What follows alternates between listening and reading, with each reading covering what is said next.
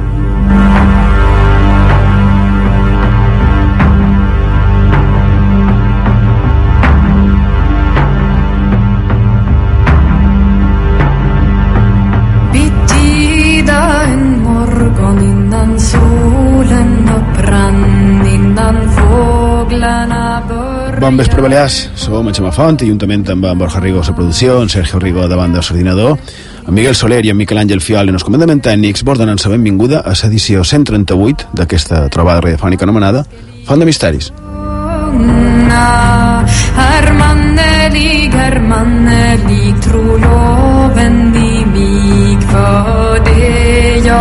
bjuder så Bé, Borja, bon vespre. Avui tenim el dia que ja mos veiem venir que vendrà complet. Bon vespre, tenim un, un programa carregadet.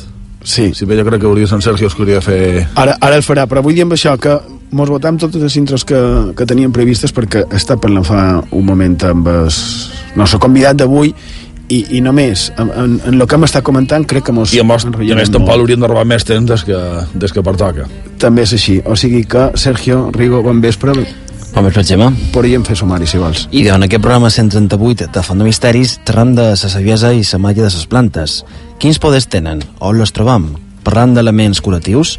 Per conèixer més aquest tema conversarem amb el nostre amic, l'investigador i escriptor Jesús Callejo.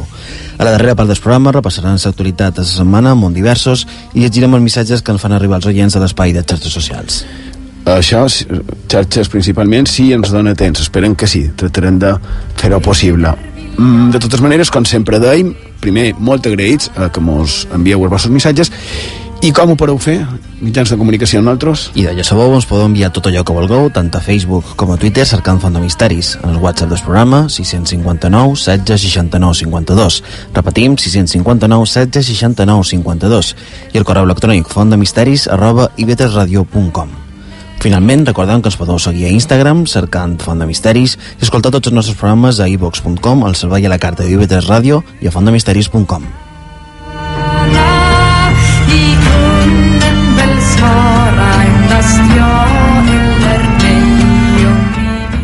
Bé, idò, divendres que ve, el proper divendres, serà el dia de, de Sant Joan i, evidentment, sense deixar de banda la importància eh, en tots els nivells, perquè no entrarem ara a parlar de la festivitat de Sant Joan com a celebració, no? com a diada que tenim a les nostres illes i principalment, evidentment, a l'illa de Menorca en la seva projecció ja internacional i de avui, quan ja solen fer a Font de Misteris, aprofitant que és una dada important dins aquest, diguem, calendari màgic, hem pensat que seria molt interessant, el Manco ho està per nosaltres a l'hora de preparar el programa, i de fer-ho des del punt de vista de la saviesa de les plantes i rituals, rituals i coses semblants, no?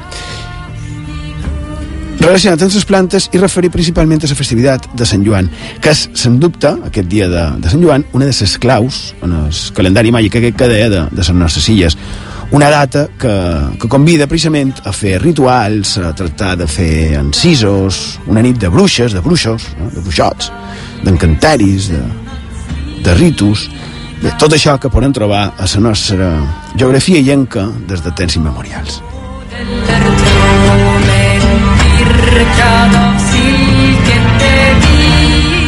I anem a fer una ullada, veurem què trobam. I bé, la veritat és que avui estic segurs que, que us podran sorprendre, i més amb, amb un convidat com el que a la tornada d'aquesta petita pausa, ara farem una petita pausa, eh, localitzarem i tornarem. Estic parlant de conversar amb en Jesús Callejo Cabo.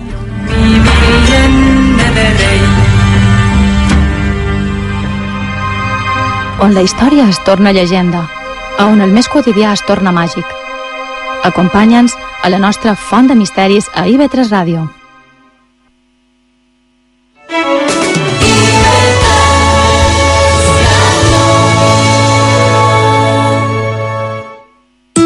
Para participar en las elecciones generales del 26 de junio, solo hay que saber cuatro cosas. El lugar, tu local electoral. La hora, de 9 de la mañana a 8 de la tarde. El documento de identidad tiene que ser original, no valen fotocopias. Las papeletas. Hay una para el Congreso y otra para el Senado. Se distinguen por colores. Esto es todo lo que hay que saber si quieres votar en las elecciones generales del 26 de junio. Ministerio del Interior. Gobierno de España.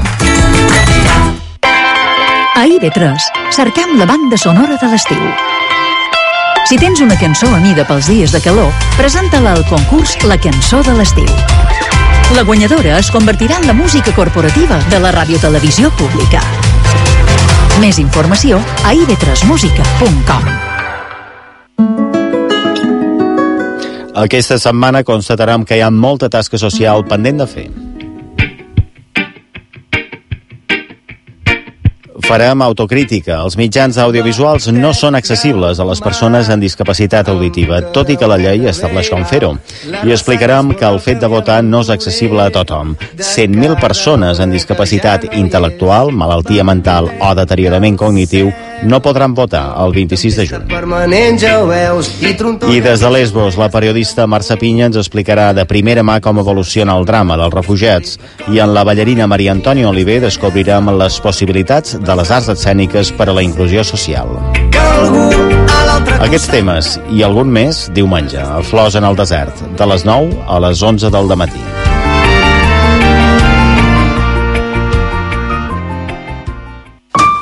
Maria, s'ha acabat ja. En temes sexuals han de ser clars i no mos han d'amagar, eh? Ai, Joaquim, saps que n'hi ha desconeixements i no te pots fer una idea dels mites falsos que encara mos envolten. I de no pot ser, les coses s'han d'explicar i s'han de tractar. Han de dir adeu en aquest oscurantisme. No passis pena, tens solució. Perquè la sexualitat és una part important de la vida, la tractam de forma clara a No apaguis el llum. Els dissabtes a mitjanit a IB3 Ràdio, amb Maria Ribó i Joan Guillem Jaume.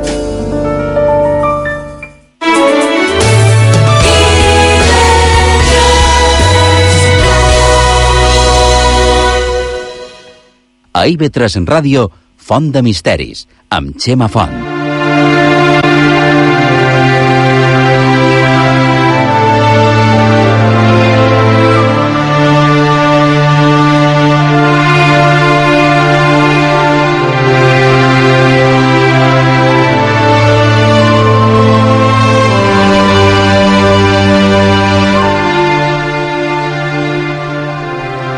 Seguim a Font de Misteris, a la sintonia d'IV3 Ràdio, la ràdio pública de les Illes Balears. A les Pitiuses mos podeu escoltant el 93.7 de la freqüència modulada.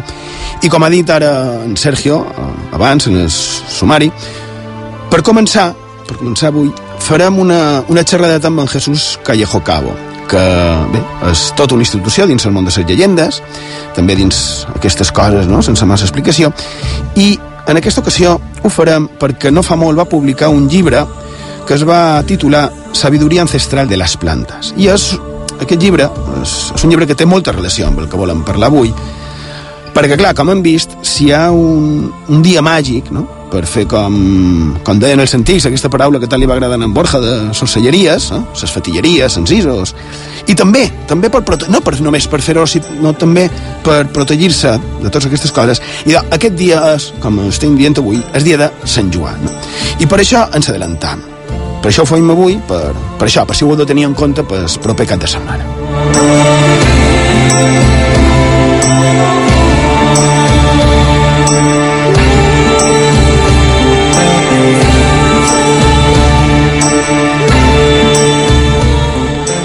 Efectivament, eh, el nostre convidat no ha de menester massa presentació, el manco per, per a tots aquells que ens agraden aquest tipus d'històries, que comptam a Font de Misteris, i és, com he dit, en Jesús Callejo, que a part de llicenciat en dret i funcionari en excedència, és bàsicament investigador i divulgador de, de temes relacionats amb tot allò que tant ens agrada, no? Mons de, de llegenda, de, de màgia, de, de fenòmens estranys, de fenòmens sense massa explicació, però també dins el món rondellístic, folclòric, de, de tradicions. Uh, si és com una mica de presentació, no? també és un, el que se diria un prolífic autor, a prop d'una trentena de llibres deu tenir, també és conferenciant, ha vengut en diverses ocasions a les nostres illes per fer cursets uh, a la UNED, també és comunicador, tant a televisió com a ràdio, actualment està dirigint el programa L'Escòbula de la Brújula, Ràdio 4G, això és molt fàcil de trobar eh, a la xarxa, a internet, eh, simplement l'escòbula de la brújula a bé Jesús Callejo, tan fàcil com això, tots els cercadors mos duen directament a ell, val la pena. Mm, parlant ara de, de ràdio, no puc oblidar citar, eh, ja sabeu que som una mica nostàlgic, però les seves enyorades intervencions, com no, a les tertúlies de les 4C, amb Juan Antonio Cebrián i la Rosa de los Vientos. No? Bé, la veritat és que és un gran personatge, però principalment i encara més és, és una gran persona i un, i un bon amic. Jesús Callejo, buenas noches, bienvenido a Fondo Misteris. ¿Qué tal, querido Chema? Muy buenas noches, gracias. ¿Cómo estás? Fenomenal, muy bien. Ya sabes que en tu programa siempre encantado. Mu muchísimas gracias, eh, Jesús. Bueno, y gracias por dedicarnos eh, tu tiempo.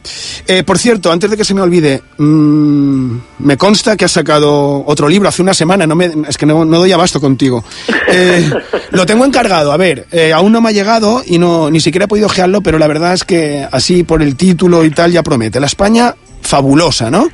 La España fabulosa, con un subtítulo que se llama Leyendas que dejan huella, que yo creo que define ya bastante bien un poco el contenido. O sea, Sí. que dentro de esa España fabulosa me he dedicado más a recorrer aquellos lugares mm, con multitud de leyendas, de tradiciones, de ritos, de supersticiones, pero que hayan dejado una huella en forma de, pues, de objeto, de reliquia, de castillo, de, de algo, de algo raro que de alguna forma dé testimonio de que esa leyenda dejó impacto en un pueblo determinado, en una localidad o en una zona geográfica. Entonces, bueno, pues por ahí voy, eh, con mis vericuetos, con mis recorridos, ya no tanto mágicos, en este caso buscando la España rara, chocante, insólita, y fruto de eso, pues son esas 360 páginas de la España fabulosa, de esas leyendas que van dejando huella. que encima, eh, como carta de presentación, viene prologado por, por Javier Sierra, lo cual también es, es, un, es un garante, si es que hiciese falta, que no hace ninguna. Y la verdad es que, es que nos apetece mucho. ¿Hablas, ¿hablas de Baleares? Pues, eh, ¿tú qué crees?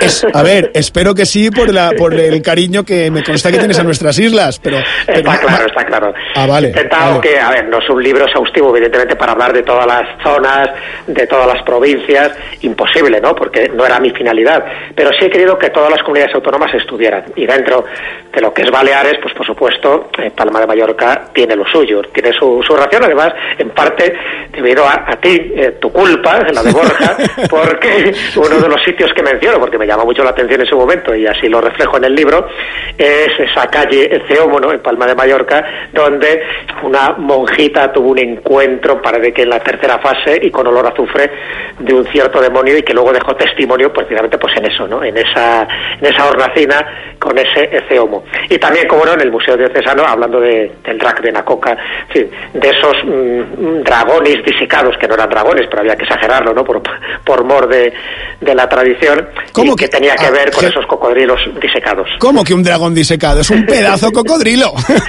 es, es un cocodrilo que ríete tú de los de las películas, ¿no? Por no, eso digo gente- que siempre se le añadía ese toque de dragón porque le daba como más fiereza, ¿no? Como y luego la leyenda pues siempre se encarga de engrandecer, ¿no? El mérito del héroe que es capaz de matar a un dragón. El problema es que el cocodrilo ya venía muerto, ya venía disecado de donde viniera. O sea Sí, que- esa- exactamente. Esa es la historia. Pero bueno, sí me llama la atención ese animalario, ese vestuario disecado que tenemos en España y que no se veía mucho porque desapareció gran parte, ¿no? Hubo gente, hubo obispos, en fin, eh, sacerdotes que pensaban que no era muy decoroso que en un templo cristiano hubiera este tipo de bestias, pero por suerte en algunos lugares se, se conservan y mira tú por dónde, uno de esos pocos lugares es en este Museo Diocesano de Palma de Mallorca. Que, bueno, tengo a, a Borja aquí. eh, Muy, muy buenas noches, Jesús. Hola Borja, ya te digo que ahí estás también, ahí estás en ese Pues libro me, formando me parte encanta, me encanta de ser historia culpable y de sus de, leyendas. me encanta ser culpable de estas de estas cosas. Eh, lo que tiene, lo que tiene cuando me enseñáis cosas que no deberéis enseñarme, porque lu- luego voy y lo casco.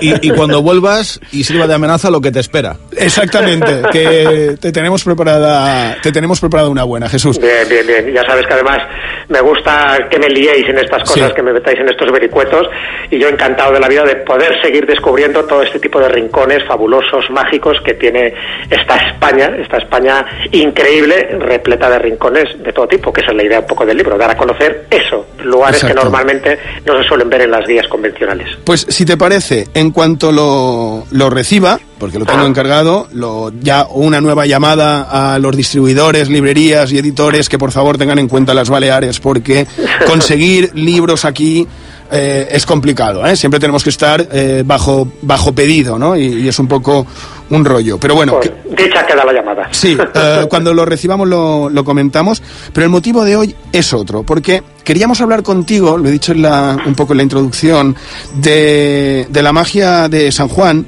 pero relacionada con las plantas, ¿no? Y esa sabiduría ancestral que rodea un poco al mundo de, de las plantas, ¿no? Lo que hay tras el, el mundo este de la botánica. Pero bueno, el libro tuyo eh, de sabiduría ancestral de las plantas no es botánica, no es medicina natural, no es folclórico. ¿De, qué va tu libro? Bueno, tú lo has dicho, no es botánico, ni es un libro de medicina, ni es un libro de farmacéutica. Sí tiene algo que ver con el folclore, porque sabes que una de mis especialidades sería esa, ¿no? Sí. El folclore, las no tradiciones, las leyendas. Pero sí he intentado que en este libro, a ver, como siempre, cuando uno hace un libro, intentas hacer algo que crees que no está, que no existe en el mercado o que crees que puedes aportar pues una visión diferente, original a un tema, en principio, tan trillado como puede ser el mundo de las plantas, el mundo vegetal. Pero, mm, evidentemente, dentro de mi disciplina, de mi investigación, que es eso, recoger las tradiciones, he querido aunar un poco lo que es la tradición sagrada, es decir, por qué se considera a la naturaleza como un receptáculo de, dioses, ¿no? De- del, del lugar donde se convertían en templos naturales por distintas culturas, ¿no? entre ellos los celtas, y también las últimas investigaciones que se han hecho donde se confirma que las plantas en general no son solo, bueno, pues eh, elementos decorativos o que tú puedas ingerir en un momento dado, sino que también, y eso ya te digo, son las últimas investigaciones que se están haciendo, son seres inteligentes, son seres que tienen capacidades cognitivas, son seres que tienen inteligencia a la hora, por ejemplo, de afrontar distintos problemas. Entonces, claro, desde esa perspectiva sí que nos entronca con lo que decían esas culturas de tradición, donde veían a los árboles, donde veían a un bosque como un lugar de culto, como un lugar de encuentro con la divinidad y también como un lugar para encontrar remedios a la multitud de enfermedades que, que ellos podían tener. De ahí que tuvieras que tener ese conocimiento profundo, ¿no? Y ese conocimiento profundo te lo podía dar eh, lo empírico, es decir, el, el probar determinadas plantas para saber cuáles te quitaban determinadas enfermedades o ponerte en contacto con el espíritu de la planta. Y eso es lo que decían algunos grandes sabios, que las plantas tenían un alma. Y si tú te ponías en contacto con el alma, ella te iba a revelar sus secretos. Lo que decía Carlos Castaneda, lo que han dicho tantos chamanes y lo que han dicho tantos gurús espirituales. Bueno, en esa línea de aunar el pasado con el presente, lo ancestral con lo tecnológico, es por donde va los riachuelos y los vericuetos de este libro que estamos citando. Que, que bueno, que lleva por título Sabiduría Ancestral de las Plantas, que la verdad es que, bueno, lo he disfrutado, lo he disfrutado muchísimo, de- partiendo de la portada, en la cual hay una mezcla que uno se va fijando y va viendo eh, seres antropomórficos, por denominarlos de alguna manera, eh, mezclados con plantas, tanto en fotografía como en dibujo. Está muy conseguida la portada, la verdad es que me ha gustado mucho. Sí, la verdad que Arcopress ha hecho aquí un esfuerzo eh, bueno, pues eh, bastante elogioso por parte de ellos, porque ya sabes que muchas veces, bueno, pues uno es eh, el contenido y otro es el continente, ¿no? O sea, Sí. hay veces que uno pone el mayor interés, pues que lógicamente el libro salga lo más documentado y lo más ameno posible, pero luego hay veces que las editoriales no tienen en cuenta eso y sacan pues eh, libros, en fin, más estándares sin preocuparse a mejor de la estética. Y en este caso tengo que reconocer que, que la editorial sí que se lo ha currado, hicieron una portada específica para que de alguna forma se recogiera ese contenido, ese contenido mágico, élfico, sagrado que tiene, que tiene el libro y luego multitud de ilustraciones. Han metido, yo les pasé unas cuantas, pero ellos a su vez fueron buscando en distintos lugares, lógicamente pues ilustraciones muchas veces pues que no tuvieran esos derechos de autor que siempre son tan, tan liadas ¿no? para, para incorporar en en determinadas obras. Y de esta forma sí que se ha conseguido que tenga como un valor añadido, además del contenido, además del texto, sí que se ha añadido muchísimas imágenes, ya sabes que en algunos casos una imagen vale más que mil palabras, bueno pues en este caso cuando el lector va viendo ¿no? distintos elementos que se citan, pero que ves esa ilustración, ese gráfico, ese grabado antiguo, pues yo creo que engrandece y enriquece mucho más la obra. La verdad es que sí. Y bueno, una obra que yo creo que la se podía resumir con una palabra que yo no la había oído nunca, ¿no? Fitomagia. Eh, que- que- No lo habías oído porque de alguna forma me la he inventado yo, ¿no? Vale, perfecto. A- a- agradezco el- la aclaración. Pero ver, define muy bien lo que es, ¿no? Sí, pero está claro, yo creo que lo define, no deja de ser un neologismo que, que lo que intentaba era, bueno, como bien sabéis, lo que sí existe es la palabra fitología, ¿no? Es decir, esa botánica que está tratada pues de distintos ángulos y de distintos puntos de vista. Pero sí quería que se uniera un poco esa fitología, es decir, esa ciencia que trata de los vegetales con el aspecto que yo le quería dar, que es el estudio de los vegetales, pero desde una vertiente eminentemente mágica. Así que uní fitología con magia y sale fitomagia, que creo que resume bastante bien lo que yo quiero decir, es decir, el aspecto mágico de una planta, de una flor, que mm, ha sido tratada por distintos autores a lo largo de los siglos desde todos los puntos de vista, pero siempre dando especial importancia, haciendo hincapié que las plantas eh, son seres vivos, que las plantas son fundamentales para el desarrollo no solo de la vida en este planeta, de hecho, la, la- mayoría de, de los elementos vivos que existen en este planeta son vegetales, o sea, eso es una cosa indudable, ¿no? Pero también van más allá, es decir, considerar que cada planta tiene una función. Y en la medida que nosotros conozcamos la función que tiene cada planta, es decir, cada flor, cada árbol, nosotros nos vamos a enriquecer, nos vamos a favorecer. Por lo tanto, siempre existe ese mutuo respeto. Esa fitomagia es lo que nos dice. Es decir, ahí están las plantas, utilizarlas a vuestra conveniencia, pero siempre con respeto, igual que pasa con los animales. Es decir, por eso siempre se pedía permiso a un árbol cuando se le talaba o se pedía eh, un poco permiso al alma de un animal cuando tú le cazabas porque era para alimentarte, para subsistir, no era por por coleccionismo, no era por salvajismo, no era como hacen ahora, pues bueno, vamos a, a quemar un bosque para conseguir ahí la madera y luego especular con ella. Es decir, ese, ese aspecto sagrado, pero también ese respeto que hay que tener con la naturaleza, que lo tenían nuestros antepasados, es lo que ahora mismo está volviendo. Y entonces, si tenemos esa concepción mágica de la naturaleza, es cuando empezaremos a entender por qué, desde siglos, desde prácticamente desde que el hombre es hombre, siempre esa naturaleza era algo más que un lugar donde tú podías vivir. Esa ecología, ese hábitat era fundamental para el desarrollo del ser humano, por supuesto, pero para el desarrollo también de tu conciencia, de tu conciencia espiritual a la hora de, de relacionarte con esas plantas, con esos árboles. Y de ahí cantidad de leyendas, de creencias, de supersticiones que han surgido a lo largo del tiempo. Ahora que has dicho lo de esos ritos para, para cortar una, un árbol, una planta y, y la integración dentro de la naturaleza y la importancia de las plantas y de los animales, y has citado el tema de, de la caza, eh, en el libro comentas, o bueno, la- tú lo has comentado como película, yo lo recuerdo como libro, a, a Dersu Uzala, ¿no? Cuando Dersu Uzala, en un momento determinado, eh, dice dice exactamente esto. Alguien viene, quizá un oso. ¡No disparéis! ¡Yo soy gente!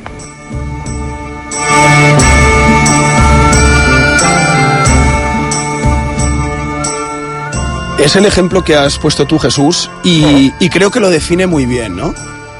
Sí, yo creo que sí. Para mí es una de mis películas favoritas, esta película de Akira Kurosawa, porque, porque define muy bien esa simbiosis que tiene que haber entre el ser humano y su naturaleza, ¿no?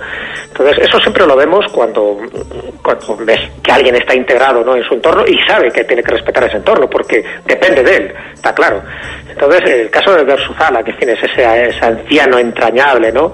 Eh, la taiga siberiana, como a todo le llamaba gente o le llamaba persona, ¿no? Depende un poco la traducción que se haga del libro que se hiciera en la película, pero era todo gente, de alguna forma todo tenía vida y era un poco la síntesis de su pensamiento. Yo creo que eso es lo interesante, ¿no?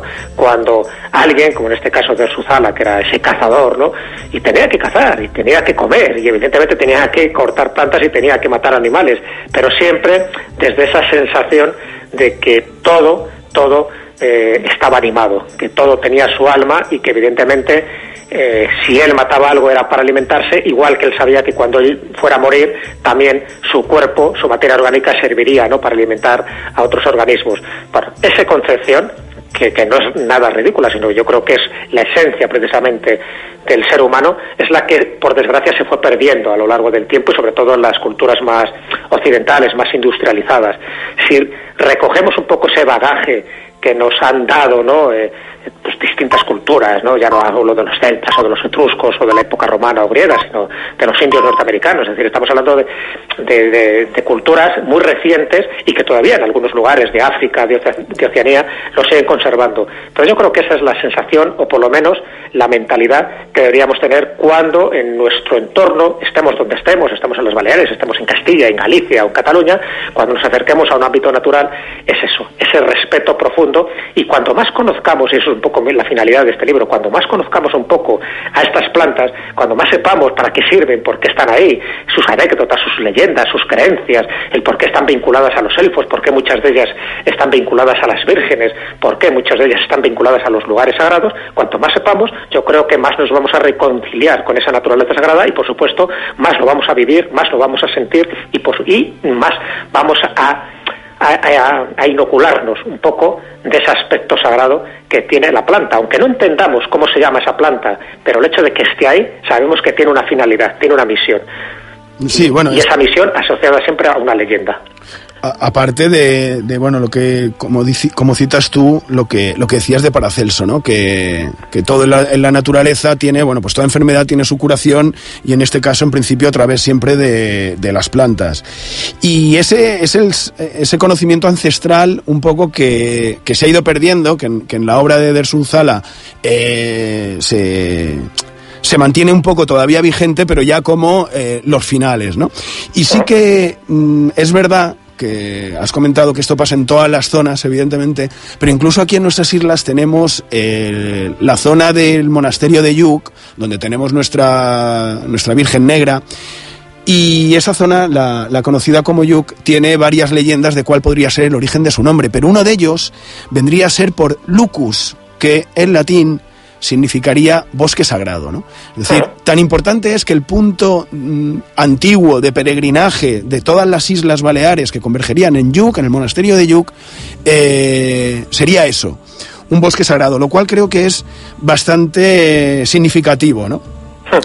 Sí, sí lo es, porque, claro, fíjate que muchos de esos lugares sagrados dedicados al culto, por ejemplo, cuando hablamos de los celtas, ellos los llamaban Nemetun, eran precisamente los bosques frondosos, aquellos donde practicaban luego sus ceremonias en los terrenos más insospechados, pero siempre al aire libre. O sea, ellos no hacían templos con, ladrillos, ni con piedras, ni con nada. El propio templo, el propio Lemetún, era el lugar sagrado. Los druidas, los sacerdotes de los celtas, no solo conocían las virtudes medicinales de las plantas, también tenían ese poder de la magia arbolaria, ¿no? Asociaban cada árbol a una época del año, su calendario empezaba un 24 de junio, el día era siempre relacionado con un determinado árbol, en este caso el roble, por ejemplo, para ellos el roble o las encinas eran árboles sagrados y siempre vinculados a sus deidades. Cuanto más fuerte fuera el árbol, eh, más vinculación tendría con uno de sus dioses de- del panteón.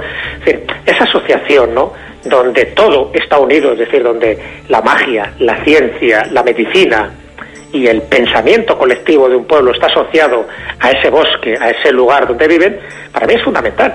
Porque entonces es cuando empiezas a entender muchas cosas, es lo que pa- entiendes por qué Julio César tuvo tanto problema ¿no? para derrotar a los bárbaros, ¿no? entre comillas, porque siempre estaban vinculados y protegidos por sus dioses y él que, que no creía en este tipo de magia, pues aún así se las vio y se las deseó, se las deseó y sí lo dejó recogido en sus libros, pero siempre con ese con esa sensación de qué qué es lo que les motivaba a estas tribus a tener esa sensación tan sagrada de que el bosque les protegía y de que los dioses que anidaban esos bosques, cuando hablo de los bosques hablo también pues de las piedras, de las cuevas, de las cascadas, del agua, es decir, de todo lo que compone ese, ese bosque, ¿no? Eh, tanto César como Pomponio Mela, por ejemplo, siempre hablaban de, los celtas, de los druidas y de los 20 años que necesitaba, por ejemplo, un druida para atesorar conocimientos antes de empezar a enseñar, antes de empezar a, bueno, pues sencillamente a mostrar toda esa sabiduría y a decir cómo se curaba, por ejemplo, el secreto del muérdago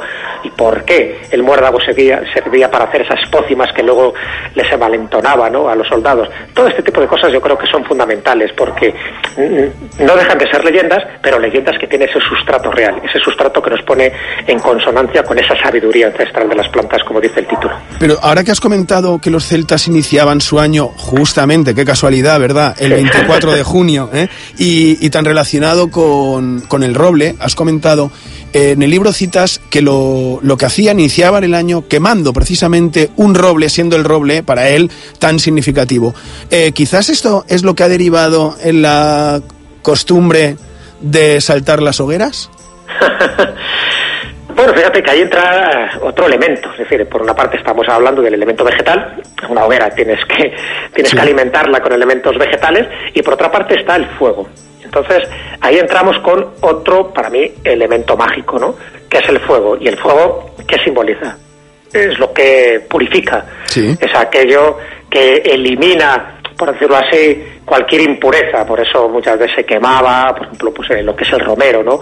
Eh, se hacían este tipo de rituales, de sahumerios, porque el humo, el fuego, la luz, en el fondo lo que hace es purificar y iluminar una zona, una vivienda, un espacio sagrado para quitar todo tipo de reminiscencias malignas, espíritus nocivos, brujas, en fin, eh, dependiendo de qué cultura, de qué creencias. Pero siempre alejando lo negativo, lo oscuro y eh, dando luz. Y el fuego cumple ese ritual. Entonces, en las noches de San Juan, que es fundamental, el fuego, se juntan varias cosas. Primero, un solsticio, con lo cual estamos hablando de, de esos goznes ¿no? que tiene el año, tanto equinoccios como solsticios, que siempre han sido considerados como fechas sagradas para hacer rituales. Por otra parte está el elemento vegetal, en muchísimos lugares se corta un árbol que luego se planta en la plaza del pueblo y ese árbol está simbolizando precisamente la protección que generan los espíritus de ese propio árbol.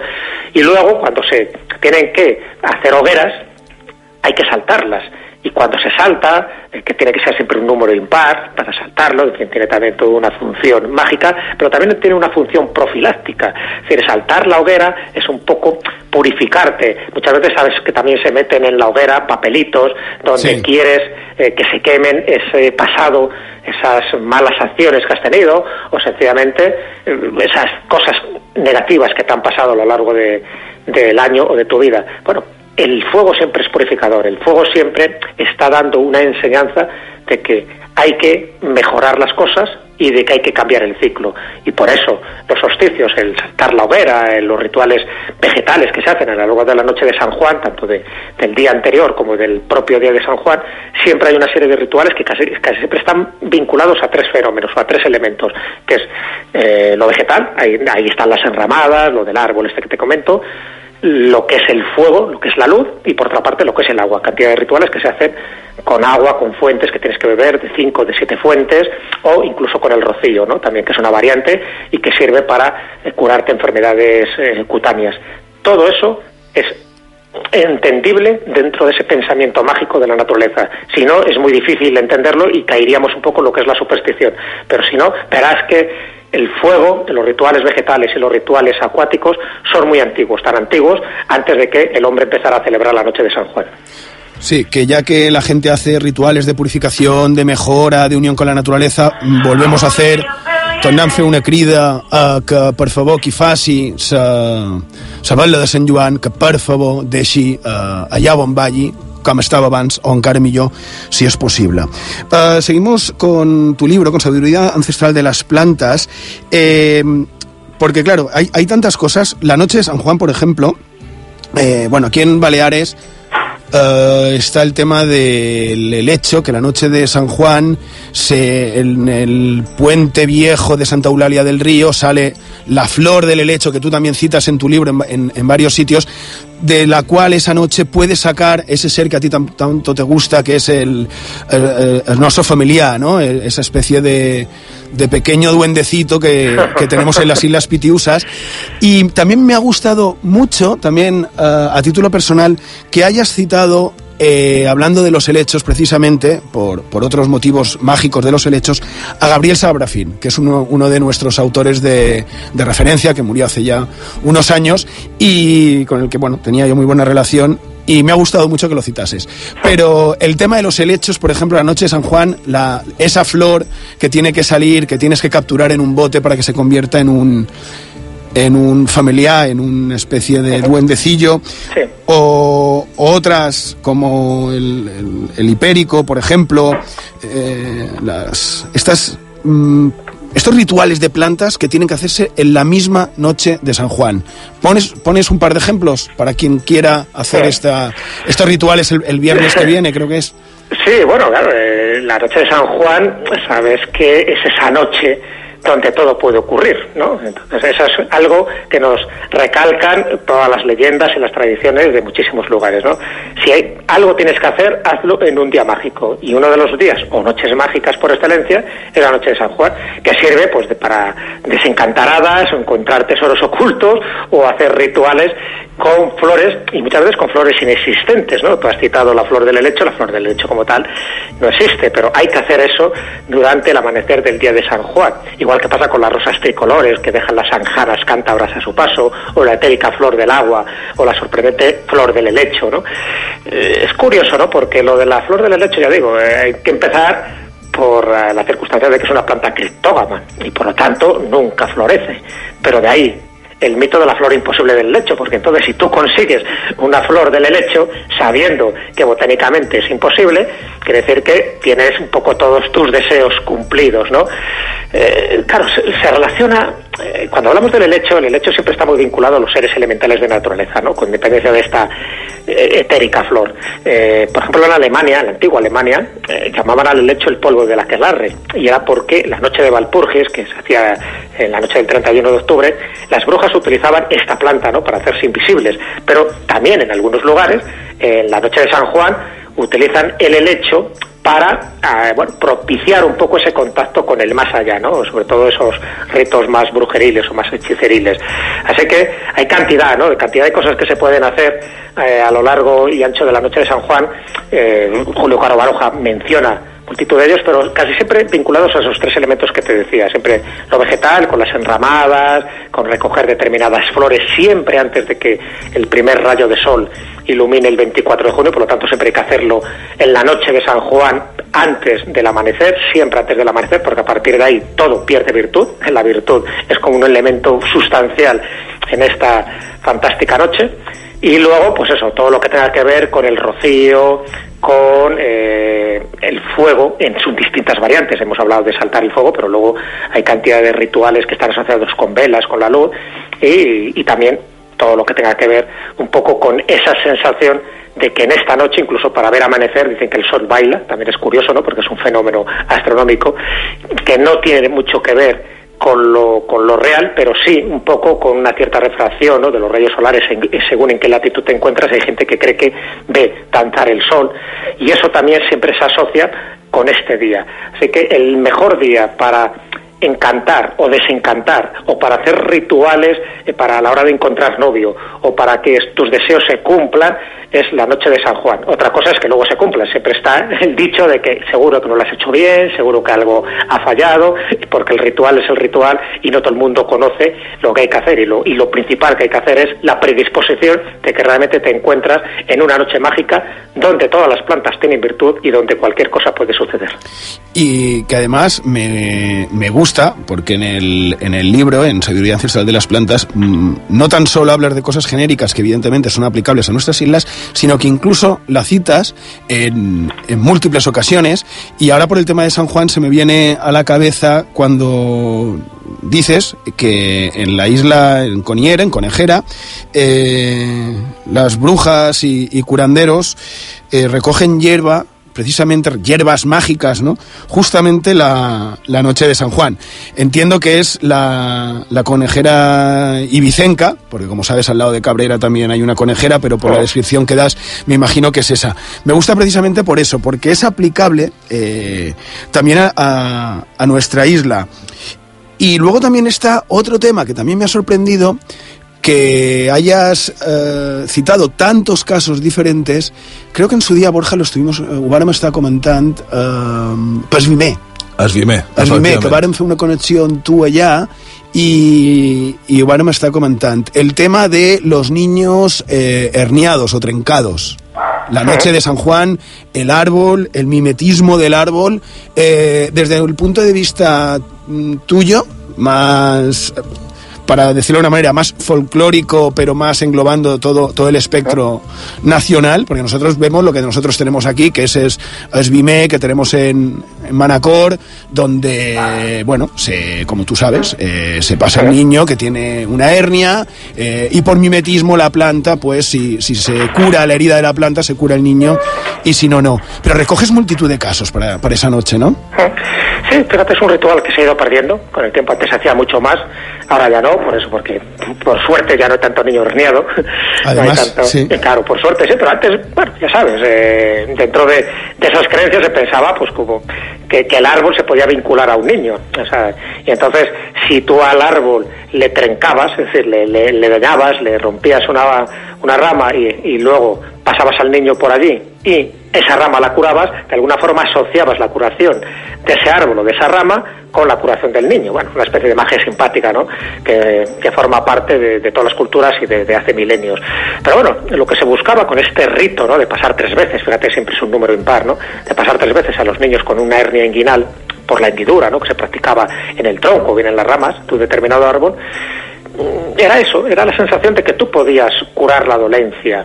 Y, el que se hiciera antiguamente, dices, bueno, pues, pues puede ser, porque en fin, dentro de los conocimientos botánicos y medicinales que había entonces, pues eh, tampoco daba mucho de sí, pero es que se sigue haciendo ahora mismo, todavía se sigue haciendo esta, este ritual, yo que sé, con, eh, con un mimbre, con una cuerda, con un alambre, de curar al árbol, y cuando cicatriza el árbol, el niño también se cura, ¿no? Si no, pues seguiría herniado, con lo cual mala suerte. Pero bueno, ya digo que ahora por suerte no hay niños herniados y, o niños trencados, como se llamaba antes, y ya no, no hay que hacerlo. Pero sí menciono, pues casi, bueno, pues multitud de lugares de los que o se hacía o se sigue haciendo este ritual, ¿no? Con distintos árboles, porque claro, según según qué comunidad autónoma, según qué provincia, utilizan un árbol u otro, en vez de que sean autóctonos, ¿no? Del lugar. Eh, cito, por ejemplo, pues en Toledo o en Cuenca, que está el, el quejigo, o el roble en Vizcaya y Galicia, ¿no? Que son árboles, pues, totalmente sustanciales dentro de, de su ecosistema.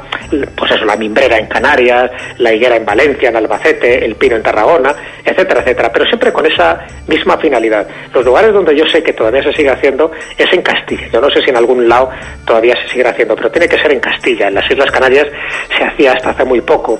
Y normalmente no valía cualquiera. Tenía que los nombres de los padrinos, de los que tenían que hacer la ceremonia, ¿no? Para aliviar o para curar a este niño, se tenían que llamar Juan o María, o, o tenía que ser dos Marías, o dos Juanes, o un Juan y un Pedro. O sea, no valía si alguien se llamaba eh, Revocato, no servía. Porque eh, el propio nombre, el poder del nombre, también influía en este tipo de rituales. Así que algo que nos puede provocar una cierta risa a día de hoy es algo que se hacía, que curaban, porque yo he visto crónicas donde dice que el niño al final estaba curado cuando el árbol también cicatrizaba, y que se ha ido perpetuando a lo largo del tiempo y muchos de estos árboles también estaban vinculados a vírgenes, apariciones marianas, o sea que no era un árbol cualquiera, tenía que ser un árbol que tuviera esas connotaciones sagradas, mágicas, botánicas, todo lo que tú quieras. Y ahí está, ¿no? Es la famosa, los árboles sanadores, y que para hacer este ritual, una vez más, para que funcione, había que hacerlo en fechas determinadas. Y como no, esa fecha determinada también era la noche de San Juan. Has comentado que sabes que en Castilla se hace, en Baleares se sigue haciendo, en Manacor se sigue haciendo, de hecho... Borja hace dos, tres años. Hace dos, dos veranos justamente. Dos veranos eh, le enviamos a Manacor a presenciar en vivo el, el, ritual, este ritual que podríamos decir ancestral. Y bueno, Borja, cuéntale un poco a, a Jesús lo que. Pues, cuenta, cuenta. La, lo que la verdad es que, es que fue una sensación realmente increíble. Porque claro, tú vas allí sin demasiadas expectativas, precisamente por eso, porque es un, una cosa que se supone que ya está, digamos, pasada de moda, entre comillas, ¿no? Y te encuentras allí más de 60 personas, todos en, en, en silencio sepulcral, expectantes a que se dé la orden de empezar el ritual. Niños había unos 30 más o menos, eh, también allí dispuestos, eh, y la verdad es que es una, es una cosa francamente sorprendente y además a tenor de lo que precisamente es que... Sí, lo de solo, los niños, ¿no? Efectivamente. Que solo, eh, que esto es una cosa que nos llamó mucho la atención, que solo sirve para eh, sanar a los niños herniados. Sí, es decir, no Pero a los... que se hacía con un Bimer, ¿no? Me imagino que Es sí. Vime, es Vime, exactamente. Claro, sí, sí, sí, me imaginaba. sí, Es, sí. es Vime. Y ¿Pero qué hicieron? Eh, ¿Pasaron tres, por tres veces? Efectivamente. Eh, ¿Siguieron Y- el ritual? ¿Los nombres influían ahí o no? Te- Creo que o- sí. O, o daba igual. Cre- creo que influyen los nombres. Creo que es Joan y María también. Los nombres También, sí tienen, ¿no? tienen que ver. Además, eh, justo en, en Manacor es una, es una tradición que se lleva perpetuándose en más de un siglo, eh, que era un lugar que antiguamente era precisamente un jardín botánico, del Ah. cual solo quedaron unos poquitos árboles. Bueno, yo puedo decir, no puedo decir quién es, es lo típico de Baleares, que nunca nadie nos deja decir eh, el protagonismo, ¿no? Todavía tenemos ese carácter insular en ese sentido, pero yo puedo decir que conozco una persona que actualmente ronda lo- los 50 años, que, que cuando era bebé lo pasaron pues Vime porque tenía una trencadura, estaba herniado y, y sanó, curiosamente sanó. No sé si sanó porque debería de sanar, no sé si sanó porque realmente no tenía esa hernia que creían que tenía o porque el fenómeno mágico del Vime pues le ayudó, no lo sé. Sí, yo precisamente esa misma, esa misma velada conocía más de una persona que también había pasado en su, en su niñez por, por el árbol, incluso algunos dos veces, y también sanaron. Es, es fascinante. No, yo en mi, en mi caso fue por eh, cuando hicimos el programa, eh, me vino, bueno, un- una persona que, que escuchaba el programa, pero que encima la conozco personalmente, y entonces fue cuando, cuando me lo comentó, ¿no? Lo cual es, es sorprendente ver cómo esto que tú has recogido de temas ancestrales sigue estando en vigor, ¿no? En, en pleno siglo XXI. Esto debió ser año 2014 o por ahí. O sea, Bueno, pues eso es lo bonito, ¿no? Que hay ciertas tradiciones, digo, lo bonito para los que nos gustan Claro. tradiciones, ese folclore, que todavía se sigue haciendo, ¿no? Con independencia de esa parte supersticiosa que tú puedas tener o con independencia de que hoy por hoy tengamos métodos mucho más eficaces para curar la hernia. Pero que se siga haciendo, eso, ¿ves? Nos entronca con esas creencias de nuestros antepasados de que realmente en la naturaleza te podías curar si conocías los remedios o los procedimientos. Bueno, es, es un poco esa convivencia con la naturaleza, ese saber compartir, integrarte en la naturaleza. Un poco, bueno, tú en el, en el libro lo, lo citas, el, el discurso del jefe Seattle, eh, esa especie de, de discurso que dio supuestamente de defensa de la tierra, que yo lo tenía como un poco apócrifo, como, como que no era del todo cierto. ¿Cómo, cómo, cómo era el, el- O sea, ¿tú crees que realmente dio ese discurso? El- Sí, sí, sí, sí, sí, sí. Yo de hecho he encontrado pues unas tres, cuatro versiones distintas. Es verdad que en algunas varían, algunas se le ha añadido más texto, en otras menos, pero, pero en todas ellas siempre te hablan de que ese texto existió, esa carta existió y, y que de, de alguna forma era un poco pues el sentir, ¿no? El fragor, ¿no?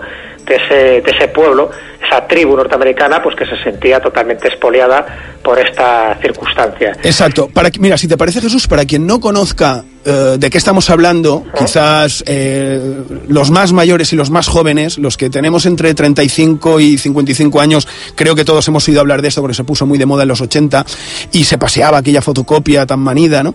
Pero para quien no lo, no lo conozca, si te parece, vamos a poner un fragmento que además se, se lo hemos quitado al pasaje de la historia de, de Juan Antonio Cebrián. Muy bien. El gran jefe de Washington ha mandado hacernos saber que quiere comprarnos las tierras junto con palabras de buena voluntad.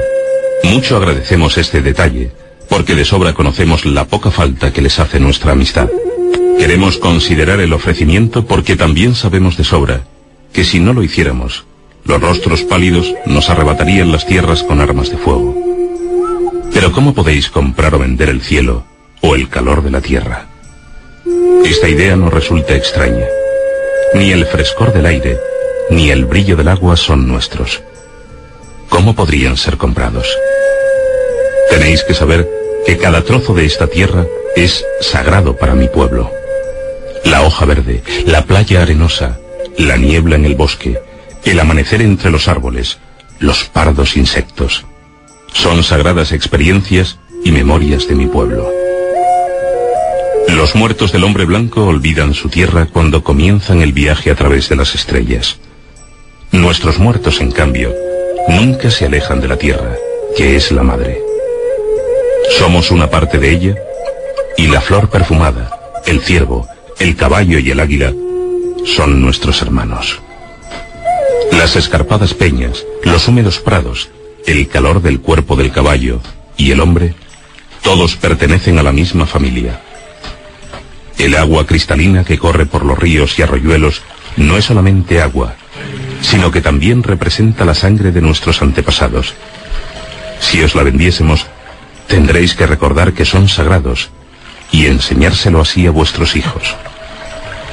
También los ríos son nuestros hermanos, porque nos liberan de la sed, arrastran nuestras canoas, nos procuran peces. Además, cada reflejo fantasmagórico en las claras aguas de los lagos cuenta los sucesos y memorias de nuestra gente. El murmullo del agua es la voz del padre de mi padre. Sí, gran jefe de Washington. Los ríos son nuestros hermanos y sacian nuestra sed. Son portadores de nuestras canoas y alimento de nuestros hijos. Si os vendemos nuestra tierra, tendréis que recordar y enseñar a vuestros hijos que los ríos son nuestros hermanos y también suyos. Y por tanto, deben tratarlos con la misma dulzura con que se trata un hermano. Por supuesto que sabemos que el hombre blanco no entiende nuestra forma de ser. Tanto le da un trozo de tierra que otro, porque no la ve como hermana, sino como enemiga. Cuando ya la ha hecho suya, la desprecia y sigue caminando. Deja atrás la tumba de sus padres sin importarle. Secuestra la vida de sus hijos y tampoco le importa. No le importa la tumba de sus antepasados ni el patrimonio de sus hijos olvidados. Trata a su madre la tierra y a su hermano el firmamento como objetos que se compran, se explotan y se venden como ovejas y como cuentas de colores. Su apetito devora la tierra, dejando detrás todo un desierto. No lo puedo entender. Vuestras ciudades hieren los ojos del hombre piel roja. Quizás sea porque somos salvajes y no podemos comprenderlo. No hay un solo sitio tranquilo en las ciudades del hombre blanco.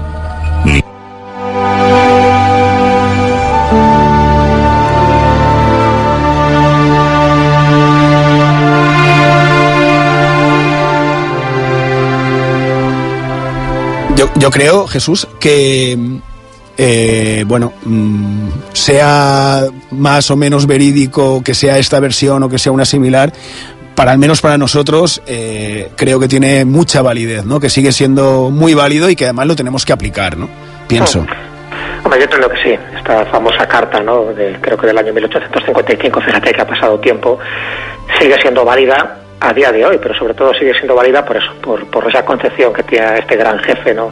Sittel, a la hora de entender de que cómo se puede vender algo, cómo se puede enajenar algo que ni siquiera es tuyo, ¿no? Que cuando el ser humano nace ya está ahí y que lo que tenemos que hacer es de alguna forma conservarlo. En el fondo es la hipótesis Gaia, fíjate que posteriormente se, se elaboró esa hipótesis de James Lovelock y en el fondo es lo que decía, que el planeta es un ser vivo, que hay que vivir en su entorno, en su hábitat, y que Gaia es como una entidad compleja, ¿no? Y que tiene su propio sistema de temperatura, de salinidad, de composición atmosférica, y si no somos respetuosos con eso, es decir, si pensamos que nosotros somos los reyes del, del mambo, los reyes del planeta, al final la Tierra, ¿qué hace? Que se agita. Y cuando se agita, el que tiene todas las de perder es el ser humano, que ahí sí que es el ser más débil. Entonces, esa concepción yo creo que es fundamental. Somos parte integrante de un todo Cuando hablamos de todo es que las plantas, los animales, en fin, los vegetales, evidentemente, todos formamos parte de un entramado. Esa concepción holística de la vida, esa hipótesis Gaia, es lo que nos va a hacer reconciliarnos con un planeta que a veces hemos degradado de forma totalmente injusta, pero que si queremos tener supervivencia, si queremos tener un futuro, no lo olvidemos, que hay que contar siempre con el, el hábitat en el que vivimos, con el vehículo en el que nos estamos tr- trasladando en el sistema solar. Y ese vehículo se llama planeta Tierra, se llama planeta azul. y que está vivo y que como tú dices existe Gaia que puede que interactúe con nosotros. Eh, me dicen desde el control que tenemos que hacer una pequeña pausa. Si no te importa Jesús, sé que te estamos fastidiando, sé que estás con otras cosas, eh, la hora es un poco intempestiva, pero si no te importa, vamos a publicidad y nos aguantas un, un ratín y seguimos Ajá. contigo, ¿te importa? Eh, no, no, no, no me importa, por supuesto. Perfecto, Aquí muchas sigo. gracias. Jesús, Nada. pues hacemos una, fem una petita pausa i tot d'una continuem aquí, a Font de Misteris, a IB3 Ràdio.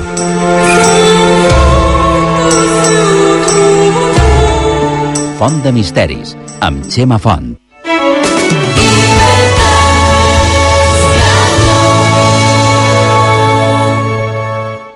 Perquè accedir a un habitatge ha de ser un dret i no un problema, el Pla de Lloguer Social t'ajuda a pagar el lloguer i incentiva els propietaris a llogar els habitatges buits. Pla de Lloguer Social, que teva, el teu dret. Informa't en el 900 780 000 o a habitatge.cai.es. Govern de les Illes Balears. Conselleria de Territori, Energia i Mobilitat. La música fa festa. Dia 21 de juny, l'estiu comença amb un ventall de propostes sonores en directe per celebrar aquesta data en què la música a tot el món omple els carrers de cançons. Multiplex en Sergi Marcos se suma a la festa amb un programa especial en directe des del Parc de les Estacions de Palma, on diverses discogràfiques i llenques han preparat més de 8 hores d'activitats musicals. Comença l'estiu amb Vive3 Ràdio i el múltiplex més musical. Dimarts 21 de juny a partir de les 3 del cap vespre. Els dimonis a les zones de la demanda. Catàstrofe. Vai, um, espera, veu corporativa, que tens el teclat intel·ligent posat. Ai, sí. Va, lleva'l, per favor. Torna-m'hi. Um, els dimecres a les 6 del cap vespre, Cactus. Ara. Faim la pua al segle XXI. Amb Felip Palau, a IB3 Ràdio. Aixecat amb ganes de cercar la llibertat, de posar-me xandall i deixar d'estar aturat, agafar-se de velo i bugar al contravent, ser capaç de creure que pots ser el meu millor intent. Dilluns a les 6 del cap vespre, Feim quilòmetres. Fent quilòmetres amunt i avall, Amb Joan Martí i Mercè Valero. allà on les coses passen quan... Corre! A IB3 Ràdio.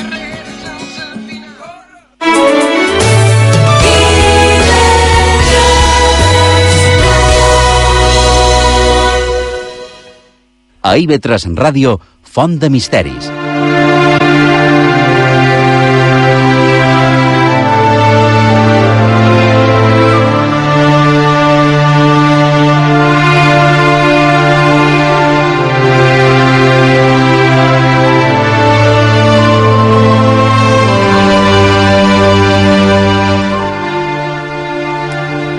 Seguim a Font de Misteris, a la sintonia d'IV3 Ràdio, la ràdio pública de les Illes Balears, a Menorca, mos podeu escoltant els 88.6 de la freqüència modulada, i avui estem dedicant el temps principal del programa a parlar amb el nostre convidat, que el tenim eh, en el telèfon, en el Jesús Callejo Cabo, autor de multitud de llibres, però avui avui volem parlar amb ell, estem parlant amb ell per un que es diu per títol Sabiduria ancestral de les plantes. Llibre totalment recomanable que, bé, com estem veient, mm, tracta d'una manera molt, molt, molt interessant des d'un altre punt de vista el món de, de les plantes. I seguim volguem parlant amb ell i estem prenent més temps precisament per això, per l'interessant que és aquest llibre, el llibre Sabiduría Ancestral de las Plantas. Eh, Jesús, ¿si- ¿sigues ahí? Sigo aquí, Chema, sigo aquí. Menos mal, bueno, te, te repito, disculpa. Justo, No, hombre, no, nada, un placer. verdad. Gracias. Justo antes de esta pequeña pausa que hemos hecho, que estábamos hablando de la, bueno, de la importancia que, que tendría que tener el hombre eh, con la naturaleza, tomarse más en serio a la naturaleza, esa Gaia, ¿no? ¿Qué, qué ha quedado de que las citas en el libro? oh, el, el tema de esos, esa parte de la naturaleza, lo, lo que, lo que se llamaban los devas. ¿Qué ha quedado de eso? De los devas, bueno, eh, en Occidente la palabra deva no es algo muy conocido, es más una palabra que se utiliza más en Oriente. Bueno, Hay que estar relacionada más con los dioses, ¿no? Sí, els esperits de la natura, ¿no? Los espíritus de la naturaleza vendrían a ser. Efectivamente. Los devas sería, a ver, un poco para que los oyentes hagan una idea, cuando hablamos de los espíritus elementales de la naturaleza, eh, normalmente se habla de hadas, de duendes y de gnomos. Bueno, pues los jefes de estos seres más elementales, eh, como por decir así, los jefes superiores, serían los devas. Y los devas ya no estarían especializados en una determinada planta, una flor, como dicen que tendrían las, las ¿no? Sino que estarían más relacionados con entornos vegetales, es decir, con, con toda una especie arbórea, imagina, pues el deva de los robles, ¿no? El deva de, de los cipreses. Entonces, ese, esa sensación ¿no? de sintonizar con los devas es lo que se ha intentado hacer a lo largo de, de muchos tiempos y de muchas culturas. El caso de la comunidad de Finjor, por ejemplo, para mí es una de las más representativas, ¿no? Esa ciudad planetaria que, que está en Escocia y que bueno, ahora se ha convertido pues, en un centro de desarrollo personal, pero que en su origen, cuando se asientan en esa bahía de, de Moray, pues lo que buscan es bueno, pues eso, una subsistencia, se ponen en contacto con los devas, con los espíritus de las plantas que, que allí estaban, que, estaban de alguna forma soterradas, y es cuando se empiezan a dar cuenta de que aquello que era un erial se puede convertir en un vergel, pero siempre con la ayuda de este tipo de criaturas. Así que los devas, son los resplandecientes, como etimológicamente significaría esta palabra, siempre han estado ahí, y una de las cosas que le dicen, por ejemplo, a una de las que comunica con ellos, ¿no? con Dorothy McLean, es que, claro, que ellos están deseando ponerse en contacto con nosotros, con, la especie humana, pero que es muy difícil por una razón, porque no creemos en ellos. Entonces me llamó la atención y creo que es una de las frases que transcribo en el libro, porque es como una barrera ya imposible. Dice, ¿cómo podemos ayudaros si ni siquiera vosotros creéis que estamos aquí? Si no pensáis que tenemos una existencia real, que aunque no nos veáis, aunque no nos percibáis pues, vuestros sentidos ordinarios, aunque no nos podáis fotografiar, pero somos entidades energéticas y podemos ayudaros muchísimo en el desarrollo de, de vuestro entorno porque además ellos también de alguna forma regulan, rigen ese mundo vegetal. Claro, fíjate que esto ya nos da una concepción totalmente distinta, que es el mundo élfico, el mundo de los devas. Si de alguna forma está relacionado un árbol, una determinada flor, con un hada, sí o no. Entonces, eh, por ponerte solo un ejemplo, además me parece muy significativo, ¿no? Porque claro, esto forma parte de las, creyen de las leyendas, te lo crees o no te lo crees y punto, ¿no? Pero por ejemplo los elixires florales, ¿no? Lo del doctor Bach y compañía. Sí. En el fondo todo eso que descubre el doctor Bach y Andreas Corte, en fin, todo lo que hay alrededor de los elixires florales, que ahora es muchísimo, muchísimos libros, ¿Sí? eso ya se decía en las leyendas medievales. Eso ya se decía que las hadas se alimentaban de la quinta esencia de las plantas. Es decir, que buscaban precisamente su hálito, su, su alma, que era lo que realmente les alimentaba, no de la planta físicamente como tal. Bueno, pues esto es lo que luego con el tiempo, en el siglo XX, se demuestra, se descubre y se dan cuenta que tiene sus efectos terapéuticos. Bueno, pues cuando lees las, leyendas y las lees de forma, en fin, totalmente libre de prejuicios, dices, si ya estaba aquí recogido, cuando nos dicen que se alimentaban las hadas de esta quinta esencia, en el fondo es eso, ese es el elixir floral, es lo que realmente es la parte más energética, la, la parte más sutil, pero más potente de la planta, que es la que te hace eh, curarte de determinadas ansiedades o malestares o enfermedades del alma, como se llamaban, ¿no? Bueno, pues ahí lo tienes, la información siempre está ahí, lo único que hay que saber verla. Claro, ahora so, con, solo con esto que has dicho tendríamos por hacer no un programa, 16 programas, ¿eh? Porque primero, has hablado de las flores de, de Bach, que no es por Bach el músico, sino Bach por el señor que creo que era alemán que lo que lo plasmó, ¿no? El que le dio Exactamente, eh, sí, sí. El, el que, que, lo volvió. Descubre, el que descubre sí. precisamente esas propiedades, Edward Bach. Exacto. Bueno, ahora también, últimamente, hace, hará cosa de 15, 20 años, no recuerdo exactamente, se empezó a hablar de otro que se llamaba las orquídeas del Amazonas, algo así, que era más o menos una cosa similar, ¿no? Uh -huh. Que viene a ser que se traen eso, esa esencia, pero sin dañar la planta. Eh, esto a mí mmm, me viene a significar un poco también la aromaterapia, que también lo citas en el libro, y ya, ya que estamos, la homeopatía, ¿no? Que, que aquí ya tendríamos otro tema. No sé si quieres entrar en este tema de la aromaterapia, la homeopatía y, y qué es ¿Qué opinas tú realmente de las flores de Bach y, y esta quinta esencia que se podría extraer de...?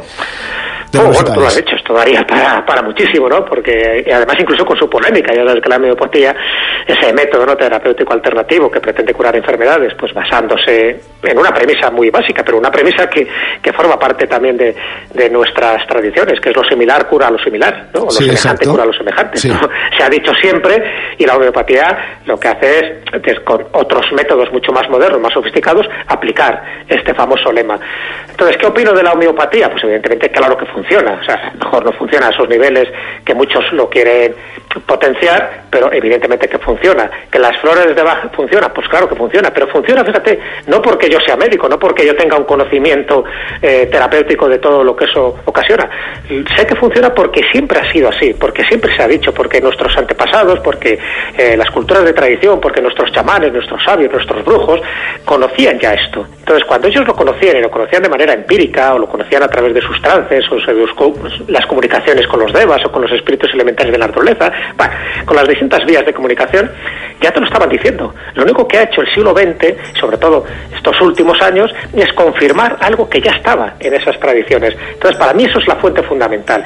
Si eso ya se estaba diciendo, si, por ejemplo, por ponerte un caso muy representativo, si de la corteza del sauce blanco se ha podido sacar la aspirina y, y la Bayer pues está encantada de ese descubrimiento, eso no es algo moderno, no es algo que una farmacéutica alemana haya descubierto hace poco. La corteza del sauce blanco ya servía como analgésico, ya servía para curar muchas enfermedades a aquellos que conocían esos secretos botánicos de la naturaleza. Por lo tanto, lo único que se hizo luego, posteriormente, con Hoffman y compañía, era sintetizar esa sustancia del sauce y luego pues sacar lo que es el ácido acetil salicílico. Pero ya estaba la salicina ahí, ¿entiendes? Sí, es sí. un ejemplo como tantos que os podía contar. Entonces, ¿por qué creo que es auténtico eso?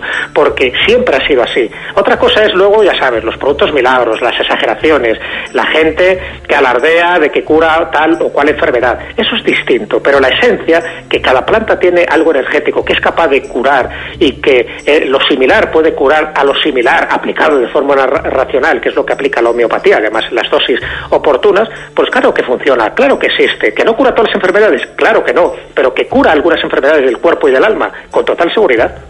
Perfecto. Ahí, ahí queda, queda tu bastante clara aclaración, desde luego. Y, cuando no interesante, lo, lo que has comentado del sauce es, bueno, el mascar la corteza para poder extraer la salicina, ¿no? Que es lo que se hacía. Y, y que de ahí, como, como dices, pues Bayer... eh, se aparte de un, de un equipo de fútbol ¿eh? Exacto, el Aparte- Bayern Múnich. exactamente no el, el, Le- Leverkusen El Leverkusen, efectivamente, sí, Sí. sí, bueno, siempre me lío con él. Sí, es el otro, Leverkusen. no sí. que és sorprendente, no? La, la majoria de gente... Tu sabies, Miquel, en això, que el Bayer, Lever, el Bayer Leverkusen es per sa pastilla de aspirina? Bueno, y de hecho el nombre de aspirina, esto sí no lo sabía, lo leí en tu libro, viene de, también de una planta, ¿no? De la aspirea. Y de la aspirea aspirina, curioso. Em, aparte del, del tema eh, mágico, dijésemos, luego está la parte real, como estás diciendo en la homeopatía. Por ejemplo, cuando has hablado de las... eh, de las flores de Bach también has hablado de eso que, que- que tranquiliza el espíritu, ¿no? Tendríamos que hablar quizás también en este caso, volvemos a la noche San Juan, el hipérico. Bueno, el famoso Prozac natural, ¿no? que siempre se ha dicho. exacto. Exacto. No, para mí el hipérico, que además tiene mucho que ver con la noche de San Juan, tú lo has dicho, ¿no? Porque de hecho también se llama así la hierba de San Juan. Mm, Bueno, yo creo que es- esa planta casi curalo todo, porque hay algunas que, que tienen ese nombre, por ejemplo el romero, ¿no? Es una planta curalo todo, que sirve prácticamente Sí. para todo, pero es cierto que esta hierba de San Juan, que bueno, no es la misma en todos los países, hay gente que llama hierba de San Juan a otras, ¿no? Pero lo que es el Hipericum perforatum, el hipérico famoso, el que nosotros conocemos, el de las hojitas amarillas, ese es fundamental porque se ha comprobado, se ha comprobado que, que tiene eh, efectos antidepresivos. Entonces, eh, por eso se habla un poco del Prozac natural, ¿no? Pero además con multitud de leyendas, en fin, como en algunos lugares le llaman la sangre de San Juan, ¿no? Porque es verdad que tiene, cuando tú miras un poco las hojas, tienen ahí como una especie de perforaciones con cosas rojitas, y entonces, bueno, pues eh, siempre se aplica una leyenda cristiana, ¿no? A este tipo de, elementos y más. Si encima hay que recogerla durante la noche de San Juan, pues ya te tienes la, sangre de San Juan, como así también se dice, con muchos efectos terapéuticos. Además de antidepresivo natural, que yo creo que es mm, lo más conocido, es que se ha utilizado prácticamente para todo, ¿no?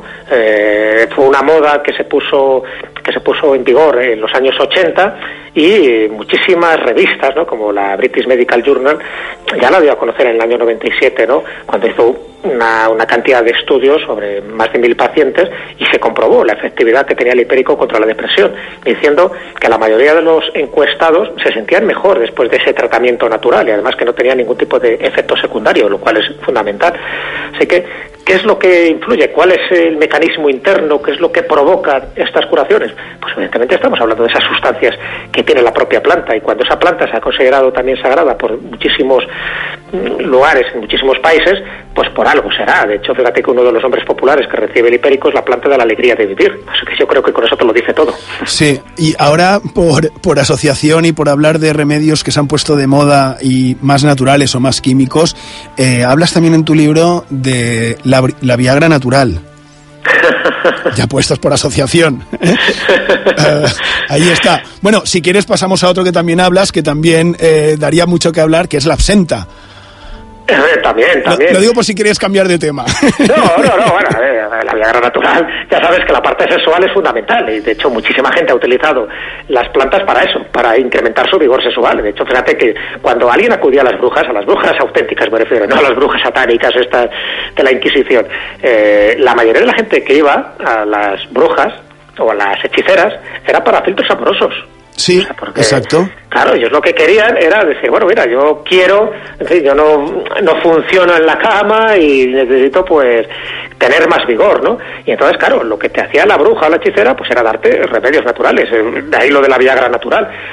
¿Qué tipo de remedios, de afrodisíacos son los que, que te daban? Pues varía de todo un poco. Algunos sin ningún tipo de, de, de, eficacia ni comprobación científica, pero otros, yo qué sé, pues eh, se hablaba de la verbena, ¿no? de la zarzaparrilla, sí. de, del ginseng, todos tienen propiedades estimulantes, eso se ha demostrado, ¿no? Otra cosa es la dosis, ya sabes que hay que tener mucho cuidado con, con las dosis, pero sí es cierto que en la parte sexual, la, la Viagra, es decir, esa, esa sensación de que te da más vigor sexual y para entonces era muy importante tanto para el hombre como para la mujer, tanto para la procreación, porque era fundamental no tener niños, porque eso era una fuente de riqueza, como pues para quedar bien ¿no? con tu pareja, se buscaba muchísimo este tipo de, de, remedios naturales. Así que los y también algunos basados en, en, elementos animales, ¿no? Pero bueno, yo lo que utilizo en el libro mucho más pues son los remedios naturales. Así que claro que está ahí. Eh, siempre en todos, incluso en los grimorios, en esos libros recetarios mágicos, casi siempre hay un apartado referente a la magia sexual, a la magia amorosa. Y la verbena es una de esas plantas, ¿no? Que se utiliza también para esa magia sexual. Por no hablar de la mandrágora, en fin, de las plantas solanáceas, porque todas se sabe que tienen unos alcaloides muy potentes y más que a lo mejor el efecto sexual es la sensación psicológica que te da de que estás en plena forma, ¿no? Y algunas son muy peligrosas, como casi todas las plantas solanáceas. Y de la absenta que te voy a contar. Era la bebida típica de la bohemia francesa del siglo XIX. Cualquier pintor, cualquier escritor que quisiera ser reconocido como tal, había que tomarse un trago de absenta, de lava verde, como se llamaba, porque si no, no te llegaba la inspiración. También es verdad que en aquella época no estaba prohibida la bebida, la bebida. luego se prohibió y pasó lo que pasó, ¿no? Claro. Pero bueno, eso se utiliza en todos, incluso en la novela Entrevista con el vampiro también se hace una mención, ¿no? A la absenta, pero la absenta como afrodisíaco también se ha utilizado, pero sobre todo como inspiración. Lo que pasa es que era tan potente, tan fuerte, que al final te, te, fastidiaba el hígado, te fastidiava los riñones i te fastidiava el cerebro. Eso és peligrosíssim, no? Sí, no, des de luego. Uh, una crida que s'ha d'anar molt alerta, que sembla molt prosaic, però és seriós, eh?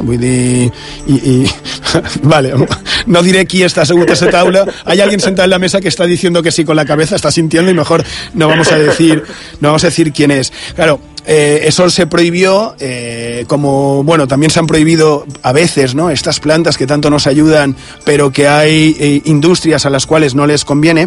Y luego también, que tampoco quiero entrar en ese tema, y luego está también en el tema de la botánica, podríamos denominar, decir, supersticiosa, que eh, hasta donde sé, la iglesia la prohibía, ¿no? No, no le gustaba demasiado a, a, la iglesia esas supersticiones relacionadas con, con la botánica. Pero luego ellos, a su vez, en la iglesia se quema incienso, que viene de una planta. Sí, bueno, bien, pero a ver, la iglesia lo que le gusta son los rituales paganos. Cuando ya son rituales cristianos ya, ya cambia. Ah, vale, en- entonces sí podemos, ¿no? Claro, exactamente. Entonces Claro, sí podemos. No quiere decir que haya una variante de uno a otro. Lo, lo único es que cuando ya está dentro de los cánones, cánones y de la liturgia cristiana, ya la cosa cambia, ¿no? O sea, no es que estuviera en contra de esa superstición. De hecho, hay una superstición claramente botánica, pero muy relacionada con lo, con lo cristiano, con lo católico, que es San Pancracio. Coger un San Pancracio y colocarle una mata de perejil. Una mata de perejil, San Pancracio, que te tienen que regalar, que cuando salieron las moneditas de 25 pesetas con el agujero se metían en el dedito del San Pancracio que estaba con la manita levantada, ¿verdad? Exacto, por eso te digo, entonces, Claro. no me digas que eso no es una superstición totalmente eh, bendecida por la Iglesia Católica. Tú te compras el San Pancracio, pones perejil y dice que es buena para el trabajo, para la salud, para te, te atrae la suerte, el dinero, en fin. Y como tú decías, te tiene que, tiene que ser regalado, pero eso es porque es una cuestión también mercantilista.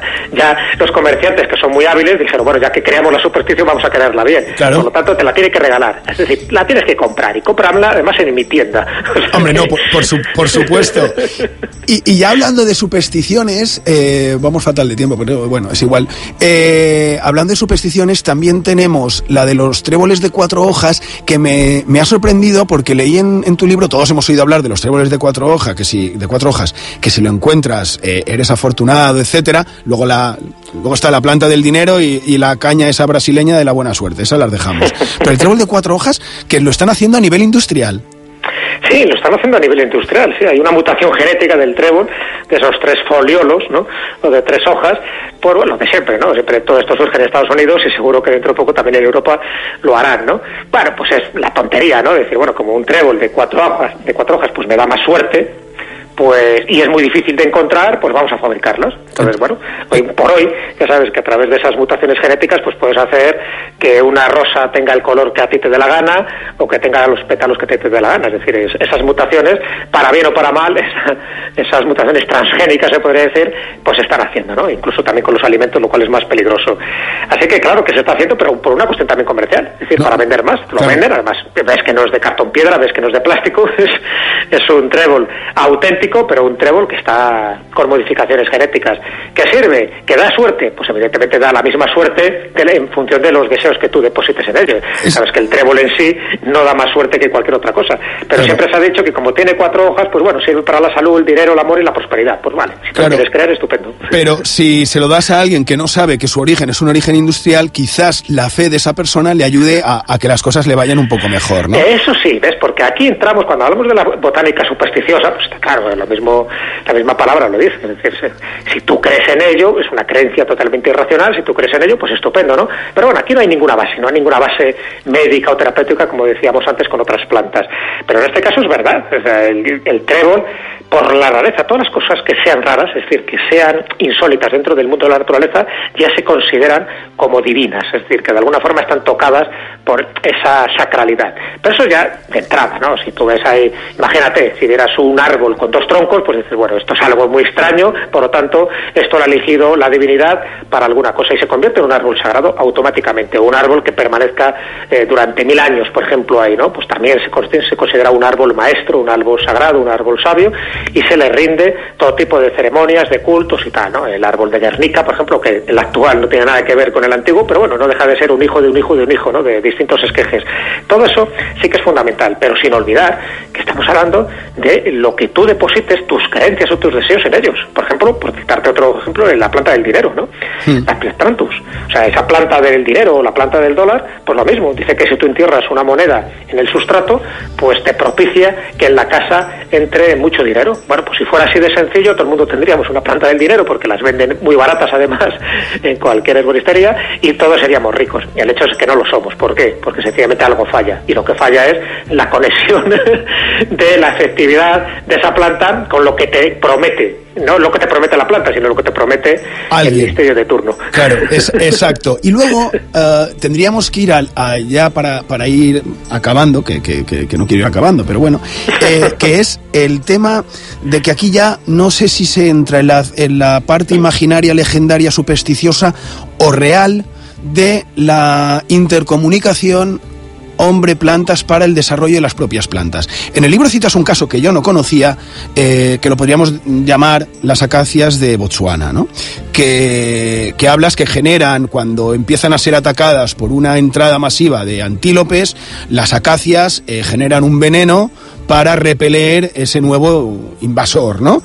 Eh, lo cual eso es muy sorprendente. Pero también hablas de árboles que se comunican entre ellos. La, mm, la comunicación entre plantas, ¿qué, qué, qué crees? ¿Es posible? ¿No es posible? ¿Tienen sentimientos? Eh, ¿Interactúan con el resto de seres vivos? Mira, yo ahí me hago eco de un libro, además un libro muy reciente, pero para mí muy revelador. Un libro que ha escrito Stefano Mancuso, que es el director del Laboratorio Internacional para la Neurobiología de las Plantas, que es de la Universidad de Florencia, un tío muy reconocido, ha, ha tenido multitud de entrevistas, en fin, cualquiera que tecle su nombre, Stefano Mancuso, en, en Google, pues verá en las cosas que, que ha hecho, ¿no? Estamos hablando de una persona científica, alguien del ámbito universitario, alguien que se ha tomado esto en serio, no estamos hablando ya de creencias o de leyendas. Y claro, las cosas, eh, las conclusiones a las que ha llegado este hombre son tremendas. Son tremendas en el sentido de que él ha experimentado muchísimo con plantas eh, con, y con distintas especies de plantas, ¿no? Por ejemplo. Y entonces, bueno, se ha dado cuenta, por ejemplo, que con plantas trepadoras como los frijoles, por ejemplo, si les pones un solo soporte por el que puedan trepar, compiten por él.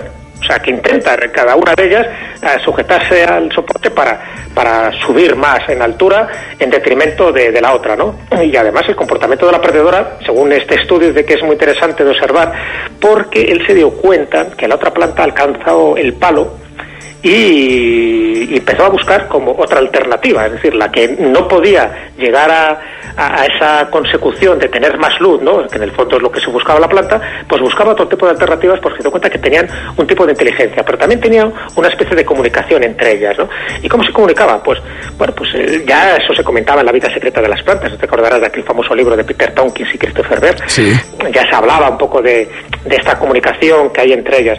Bueno, pues lo que dice Estefano Mancuso, que va un poco más allá en este libro, que no sé si os es Sensibilidad e Inteligencia en el Mundo Vegetal, así es como se titula, eh, bueno, dice muchísimas cosas, ¿no? Aparte de que tiene inteligencia, aparte de que pueden resolver problemas, pero dice que, que reconocen a su familia y que se comportan de forma diferente dependiendo si eh, pertenece o no pertenece a su familia, esa planta, ¿no? Con la que interactúan.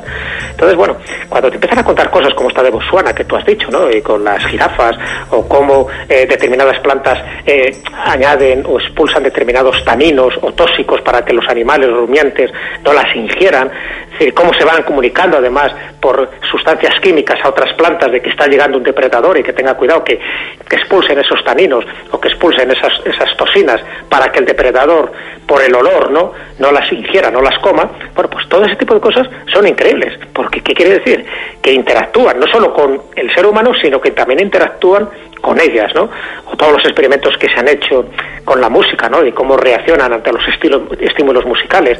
Bueno, pues eh, la comunicación con las plantas, que no es algo de ahora, es algo de, hace muchísimo tiempo, pero que Estefano Mancuso yo creo que le ha dado un giro de, vuelta, ¿no? Un giro de tuerca a todo esto, me parece fascinante y los experimentos que se han hecho a ese nivel, ya digo que son sorprendentes porque entonces es cuando tendremos una visión diferente de la planta de que a lo mejor sí que pensamos no tienen un sistema neuronal, está claro como los animales, pero a lo mejor sí que pensar que pueden solucionar problemas cuando se les presenta. Y una forma de solucionar problemas es lo que se llama inteligencia. Y que además acabas de, de decir, eh, has citado el tema de la música porque parece demostrado que hay una música que Uh, sí es efectiva para hacer o para ayudar a crecer a las plantas. La música, a ver si alguien la reconoce, es esta.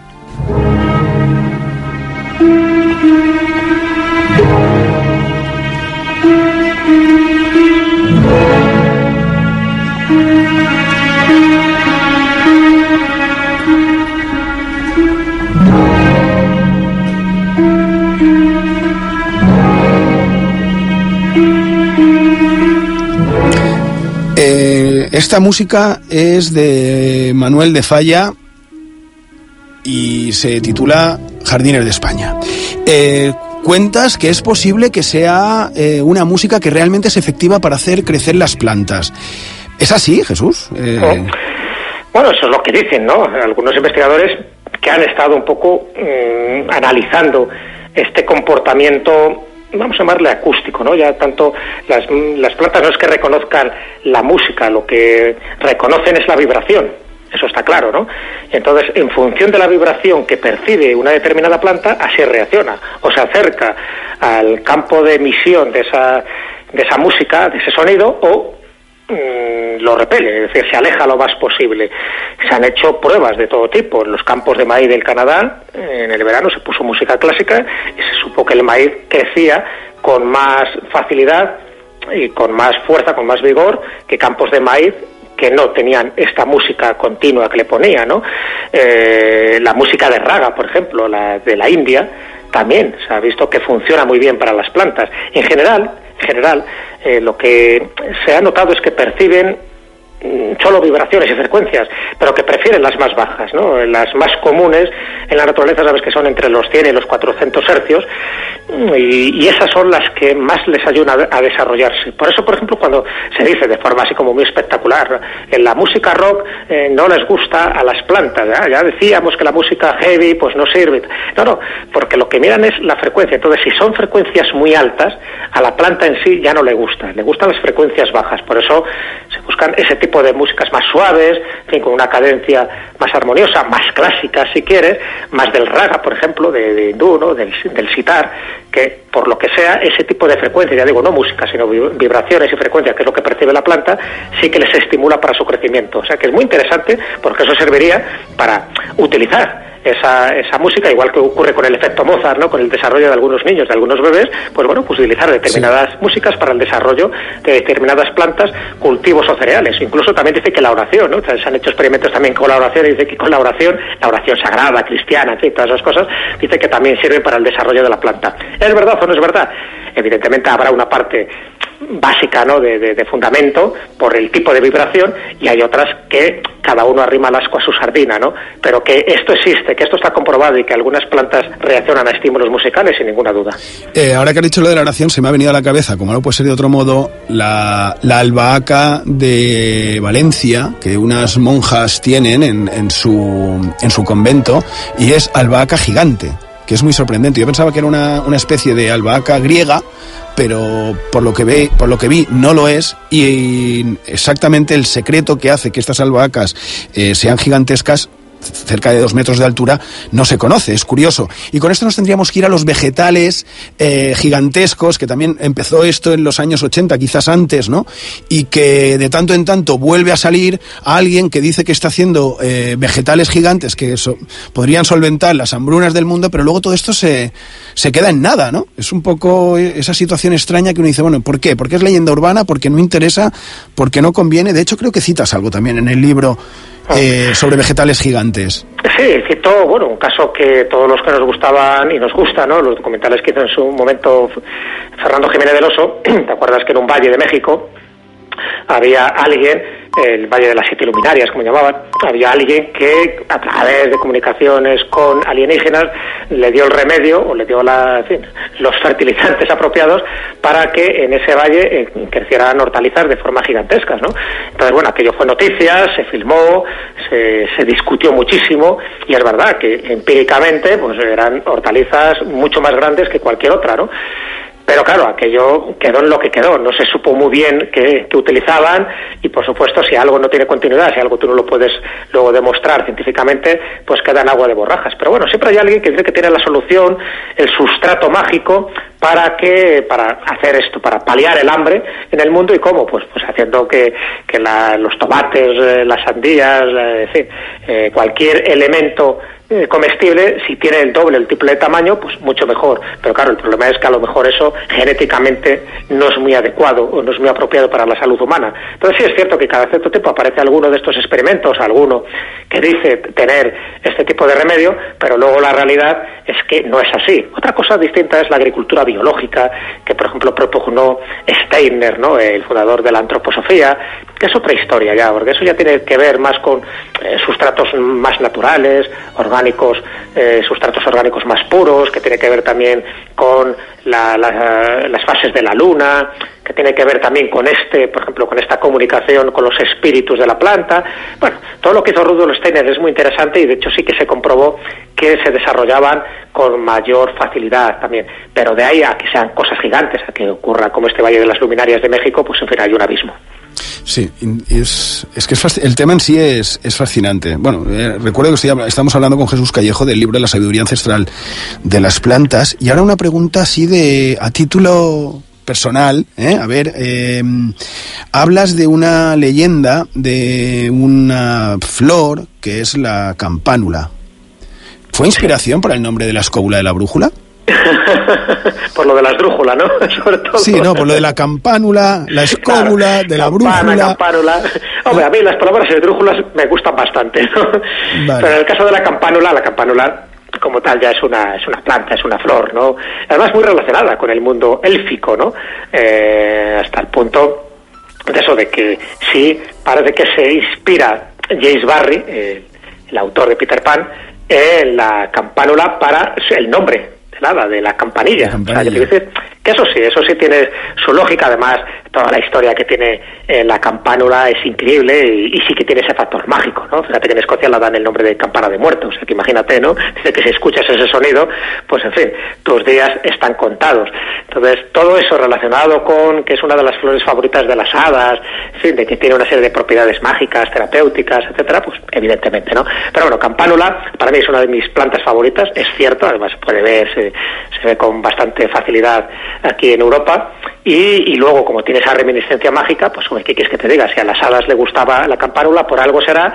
Y yo, cada vez que encuentro una de esas campánulas, sí que me gusta olerla, sí que me gusta olfatearla y me gusta acariciarla, no, no cortarla, porque no, no hay que cortar este tipo de plantas, pero sí acariciarla, porque, oye, nunca se sabe, a lo mejor me transmite alguna de su esencia mágica. Exacto, exacto. Pues nos han quedado infinidad de cosas por hablar. Que si el romero eh, sirve para la memoria, que, bueno, lo de la lengua de vaca, los crisantemos y su dualidad, bueno, mil cosas referidas a, a, bueno, en este caso, a sobre todo a la noche San Juan y al fitomágico, ¿eh? fitomágico mundo. eh, de la sabiduría ancestral de las plantas. Eh, que bueno, ahora, si te parece, mm, en cuanto reciba, como hemos dicho al principio, el- tu nuevo libro titulado La España Fabulosa, en cuanto lo reciba, nos ponemos otra vez en contacto contigo para ver si esta misma temporada podemos tratarlo, porque la verdad, cada vez que sacas un libro, pues estamos los tres apasionados, buscándolo, esperándolo.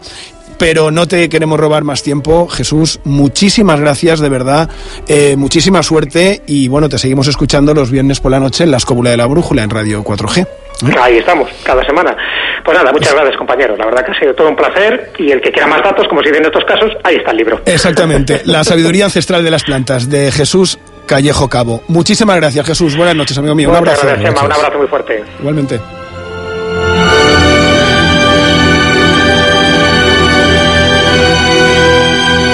A IB3 Ràdio, Font de Misteris, amb Xema Font.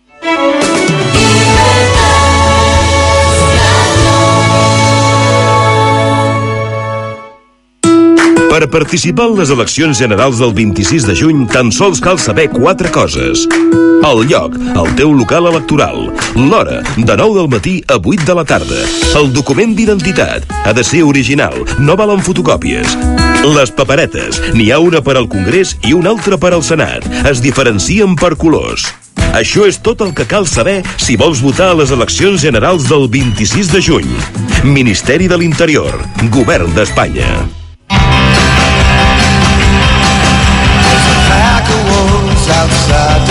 Arriba la cinquena edició del Summer Pie Festival. Dos dies de música de qualitat i de propostes exclusives del panorama internacional, nacional i local. La cita és en el de Palma els dies 24 i 25 de juny. IB3 Ràdio hi serà amb una programació especial per descobrir què diuen i com sonen algunes de les millors bandes del pop actual. Rayland Baxter, The Roselings, Danny and the Champions of the World o Imon McGrath es mesclaran amb el talent de Leon Manso, Astrolabio o Salvatge Co, entre d'altres, en una cita imprescindible del circuit de directes Illa. Segueix la cultura musical amb IB3, la ràdio pública de les Illes Balears. música se sent, es comenta, es compara, es punxa, es digitalitza, es balla, es veu, se segueix, s'odia, se silencia, se socialitza, es comparteix, s'estima, es recorda, s'oblida, es descobreix, s'investiga, s'estudia, s'escriu, s'esborra, s'enregistra, es toca, s'interpreta... I tu? Escoltes música? A IB3 Ràdio cada cap de setmana volem que escoltis bones cançons de tots els estils, èpoques i condicions, perquè la resta ja és cosa teva. IB3 Música, dissabte i diumenge cap vespre, amb Tito Fuster. A IB3 Ràdio volem més informació. A les 7 comença la jornada amb l'informatiu matí, dues hores per conèixer les claus del dia. A les dues, a l'informatiu migdia, sabem què passa i fem una previsió del cap vespre. A les 7, analitzam la jornada i esbossam el panorama informatiu de l'endemà. I perquè l'actualitat no descansa, els cap de setmana dues edicions, a les dues del migdia i a les 7 del cap vespre. A més, informació puntual cada dia als butlletins horaris, serveis informatius d'IV3 Ràdio, pluralitat, independència, proximitat, simplement informació.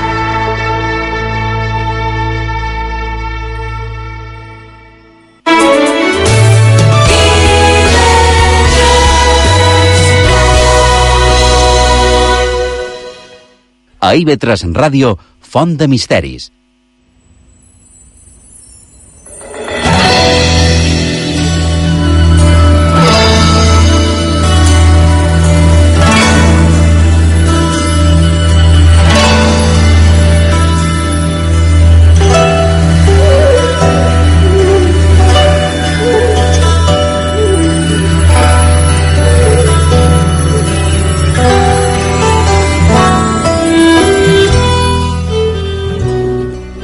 Seguim a Font de Misteris, a la sintonia d'IV3 Ràdio, a Mallorca mos podeu escoltar a 106.8 de la freqüència modulada. I bé, eh, després d'aquesta entrevista, poca, poca cosa més, no?, podem afegir, perquè quan li he dit a en Jesús Callejo que ha per fer molt de programes amb aquest tema, és perquè realment és així, no? Han deixat, sense parlar de multitud de, de coses, també relacionades amb la nostra terra, com, no sé, les flors conegudes com a caramels de bruixa, per exemple. A Eivissa tenim una rondalla molt simpàtica damunt d'això. També, eh, que només són citat, la dualitat dels crisantemos, que aquí són fonets, no? que una es, es demana, clar, i, i per què, no? O els xipresos de, dels cementaris, les figueres, que també tenen aquesta, aquest caire funest, però, per exemple, a, a Formentera tenim aquelles impressionants, que són una passada, ses d'allà, ses formenterenques, fins i tot aquella, no?, que, que fa entre 300 i 350 metres quadrats d'amplari, no? És impressionant. I, i parlaven de crisantemos, que orientes de tot lo contrari, no?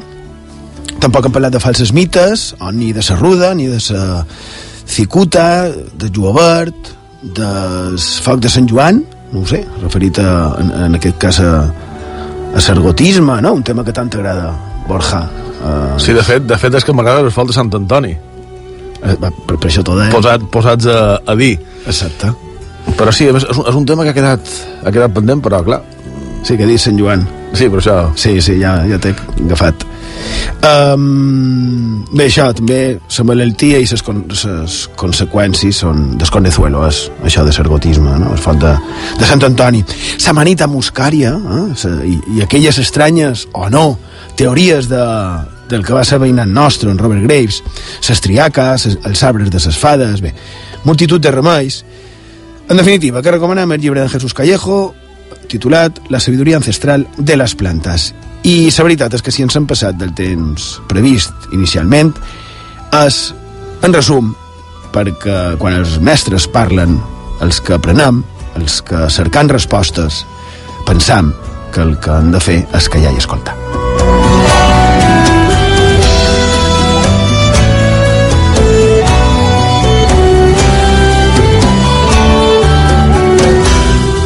I anar ja acabant amb això, però ja són menys 20, la idea era després de d'aquesta entrevista seguir amb un parell més de remeis o de sistemes per poder lluitar contra els encanteris duts a terme per bruixes i, i bruixots i bé, així que per, per defensar-nos i protegir-nos, no?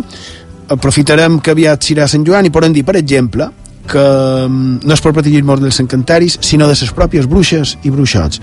Vos en recordeu que quan vàrem parlar de Sabellaner com a sabre d'on es treia principalment la fusta per fer les vares endivinatòries de, dels saurins, que per cert mos vareu enviar missatges donant-nos altres fustes i altres eh, maneres per fer-les, aquestes vares endivinatòries, i de diuen que si la nit de Sant Joan un agafa branques de vellaner, no s'agafar-les, ester-les, també serviria la de sauquer, i de pot fer el que es deia bastons de bruixa. Un bastons eh, que si els tenim en mans de bruixes tenen un, poder, un poder malèfic, no?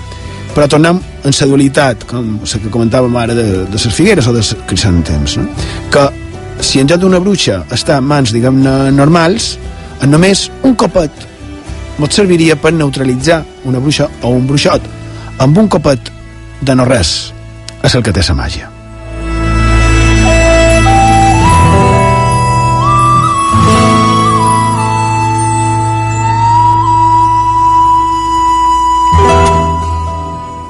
Bé, ara no he pogut evitar imaginar-me una cosa un poc més gran que un copet. És a dir, m'he imaginat l'escena de qualcú pegar-li garrotada en el pobre bruixot o la pobra bruixa. Sí, però com la nostra tradició mm, ancestral sempre diu que bastaria només un copet, direm que basta un copet. No sigui cosa que després qualcú pensi que a base... No, no és a base de garrotades. Uh, més que, que si se'ls adulta segurament eh, aconseguiríem. Efectivament, però tal vegada no seria un bruixot, no? Per tant, no. Uh, a més, aquí estem parlant de màgia, no? O màgia o fitomàgia, com, com ens ha dit en Jesús Callejo. Està clar que queden pendentes moltes coses per, per propers programes i que ja vos deim que estiran relacionades amb les nostres illes i també seran molt sorprenents, perquè en tenim un bon caramull. I de, ara, amb això de la propera festivitat de, de divendres que ve, i ja que fa temps Borja, que no parles de Galici i que avui que has estat molt calladet, eh, que t'has escaquejat bastant, i de... podries contar tu qualque coseta, no? I doncs sí, fa, fa estona que no hi anem, a més crec que la música acompanya hi bastant per pegar un petit bot. I anem això, cap a Galici, terra de misteris, que fa, que fa estona que no visitam, i a més per recordar una petita i simpàtica llegenda, que més té que veure també amb els, els encanteris i a més amb això que dius, en la propera nit de, de Sant Joan, que ja queda poquet. Per tant, aquesta història en el, en el llibre Leyendas gallegas de tradició oral i du per títol Las mozas encantadas de Teixido. Mos conta que si anem pes, pes camí del cementeri de Teixido, a Ourense, on hi ha aquella iglesia més que, que diu que has d'anar o de viu o de mort, però que has d'anar, i doncs hi ha la penya de, de Sant Cant, on hi ha una donzella encantada que crida l'atenció per la seva gran bellesa. Con el pelo tremendísimo, diu, diu la història. I doncs resulta que cada Sant Joan, quan surt el sol, la lota compareix disposada a que qualque jove eh, passi per allà i la desencanti. I és cosa fàcil, vos podeu demanar. I de no. Resulta que quan el jove s'acosta cada vegada més aquella lota va perdent la seva gran bellesa i se va convertint en un monstre ferotge. El valent que aconsegueixi matar el monstre desencantarà a sa dama i podrà casar-se amb ella. També, a més, podrà gaudir dels fabulosos tresors que té i que, clar, de moment encara també resten encantats. Això a Galici, però també en tenim molts per aquí, no?, de, de tresors que encara romanen encantats. És fascinant aquesta història, però no és únic, en tens més. Sí, a més, ben, ben a prop d'allà, a, a Coto dos Fondars, també hi ha un parell de lotes que eh, pateixen un encanteri. I també, per mirar de desencantar-les, s'ha d'anar un 24 de juny. Sobre aquesta història contava un pare en el seu fill. Deia, Luis, tienes que ir a por leña, que ayer no fuiste, y si quieres ir a la fiesta de San Juan, debes ir temprano. I clar, Solot hi va anar ben prest en el coto de Fondàs a cercar la llenya i mentre la recollia, de sobte veu com una dona molt, molt hermosa estava davant una tenda plena d'objectes valuosos. Aquell lot, ben sorprès, més ho va estar quan la dona li va xerrar, li demana eh, que tots els, de tots els objectes que tenia quin era el que més li agradava. I ell va respondre una cosa ben estranya.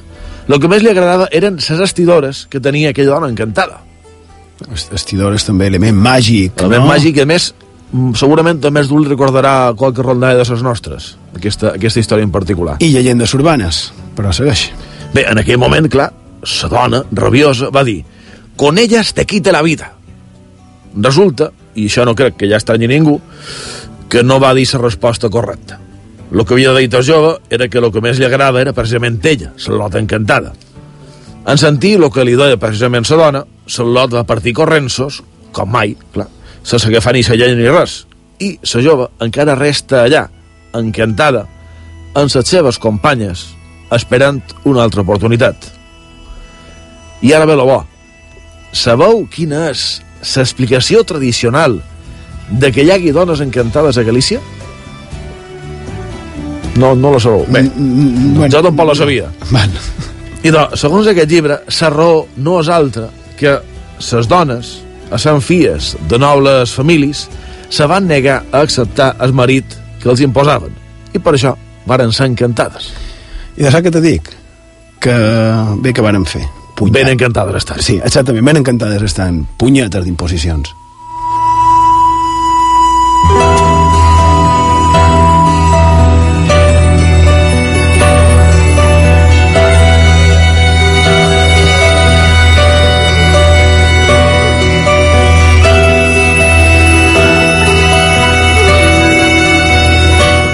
A IB3 Ràdio, Font de Misteris, amb Xema Font.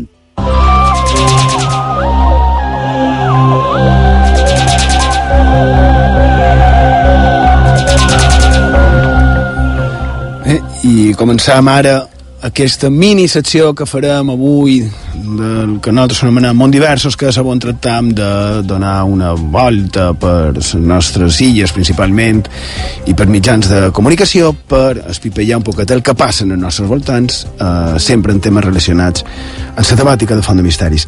I mm, tenim una que és bastant interessant que mos parla de les termes romanes, Sergio. Sí, comencem aquest repàs amb una nova declaració a Vic i, per tant, una bona notícia. Ho hem llegit a tvseverina.com. El Consell declararà a Vic les termes romanes. El Consell de Mallorca protegirà el que queda de les termes romanes de Sonsart, el vestell més important del que el segle II antes de Crist va ser un conjunt més ampli d'edificacions, que possiblement van arribar a conformar fins i tot una vila. El Departament de Cultura, Patrimoni i Esports del Consell de Mallorca va anunciar ahir la incoació de l'expedient per a la declaració com a bé d'interès cultural de la zona arqueològica. Fantàstic. Mm, està bé. Eh, en principi són les primeres que, que han tingut aquesta qualificació. Fantàstic. Eh, seguim amb, amb una altra coseta també referida al nostre patrimoni perquè just, no sé si va ser la setmana passada o l'altra, que vàrem estar parlant del projecte d'en de Xisco Garcia, en Xisco García Antolí, de Torres i Talaies, no? aquesta web que, que està fent, o, o construint, o no sé com se diu una web, on sortiran totes les torres de defensa costanera i vàrem trobar-nos que en el Consell de Mallorca han fet això, Sergio. Sí, seguim amb patrimoni, en aquest cas fotogràfic. En el Consell de Mallorca ho han llegit. 60 fotografies de torres de defensa i fortificacions a la primera exposició virtual de l'Arxiu General. Una hora, 60 imatges amb l'arxiu és el títol de l'exposició virtual que ja es pot visitar a la plana web del Consell, organitzada per l'Arxiu General de la institució. Se tracta d'una mostra de, de fotografies d'aquestes torres i talaies de eh, finals de 50, principis de 60. Clar, és fantàstic perquè, com en Xisco ha fet un recull de les seves imatges a dia d'avui, pensam que pot ser d'allò de lo més interessant. Mm, tindríem que fer una petita pausa i tot d'una eh, continuam i, i anem acabant. Uh, Miqui, quan vulguis. Font de Misteris, amb Xema Font.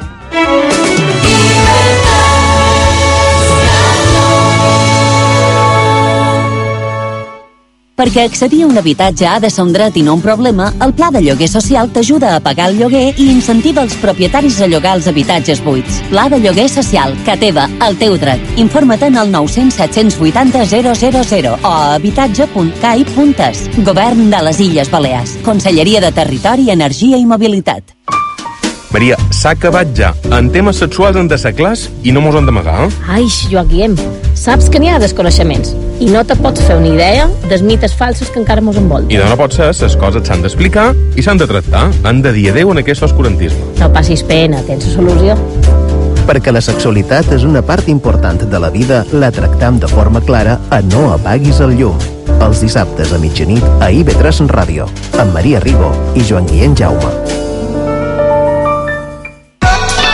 La música fa festa. Dia 21 de juny, l'estiu comença amb un ventall de propostes sonores en directe per celebrar aquesta data en què la música a tot el món omple els carrers de cançons. Multiplex en Sergi Marcos se suma a la festa amb un programa especial en directe des del Parc de les Estacions de Palma, on diverses discogràfiques i llenques han preparat més de 8 hores d'activitats musicals. Comença l'estiu amb Vive3 Ràdio i el múltiplex més musical. Dimarts 21 de juny a partir de les 3 del cap vespre.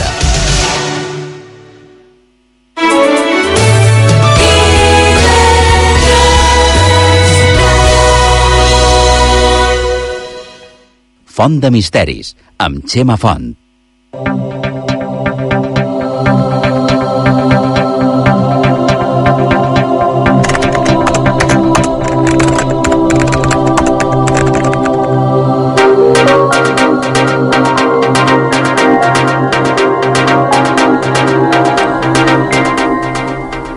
Bé, entram en els set darrers minuts. Eh, seguim a Font de Misteris, a sintonia d'IV3 Ràdio, la ràdio pública de les Illes Balears. Eh, Ara anem a dir com es poden escoltar eh, a les xarxes, pot dir tu directament com poden contactar nosaltres, si, si tenim qualque missatge, bé que en tenim, si vols dir qualque cosa. Primer, recordant les formes de contacte, ja sabeu, ens podeu enviar els vostres missatges i comentaris a Facebook i Twitter, cercant Font de Misteris, en el WhatsApp dels programes 659 1669 52 i en el correu electrònic fontdemisteris arroba ibtradio.com i si, com dèiem, tenim missatges, per exemple, de WhatsApp i de Twitter que us feliciten sobre l'entrevista en Jesús Callejo. Mm, vos agraïm, com sempre, es, aquest tipus de missatges que la veritat és que, és que m'agraden, m'agraden molt, perquè mos, mos convideu a seguir, a seguir I en, fent feina. i en aquest cas, el gran mèrit és de Sant Jesús. Sí, efectivament. No, no, poden- no poden negar. Tenir un convidat d'aquest nivell eh, sempre te fa més fàcil fer, fer un programa en condicions.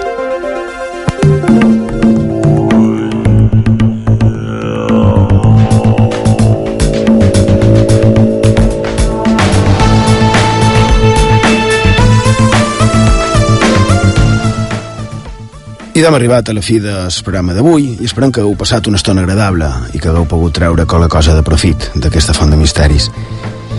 I bé, la veritat és que des de fa un parell de setmanes que volia fer un acomiadament parlant d'una altra cosa, no? Però, clar, les notícies, l'actualitat, ens ho fan anar posposant, no? I aquesta setmana també. Perquè jo realment volia parlar de tecnologia, eh? ja ho farem un altre, un altre dia, perquè aquesta setmana ara ja sembla llunyà que ràpides passen les notícies no? dins aquest món globalitzat, encara que les desgràcies realment se permanen, no? Romanen. I ho dic per el que varen veure que va passar a Orlando, a Florida, aquella terra en els actuals Estats Units on en Ponce de León va cercar la, la font de l'eterna joventut, no? I on aquesta setmana, a part de la desgràcia de, del nin i del caimà, però aquesta setmana ha estat notícia internacional perquè un loco, un, un mal nascut, probablement per causes que ja mai sabrem, va atacar un club on hi havia gent que eren de festa, no? Gent que sense haver fet res es varen trobar en sa mort de cara a un país on qualsevol pot comprar tot tipus d'armes, no?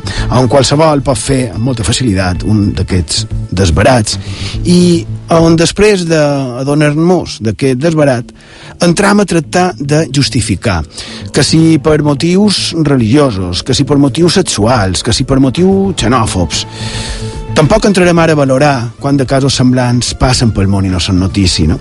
Semblarà que estic banalitzant, però no és així, en absolut.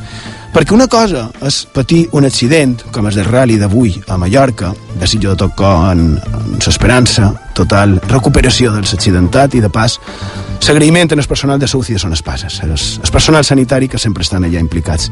Gràcies. Però el que deia, això del rally, com molt d'altres, ha estat un accident.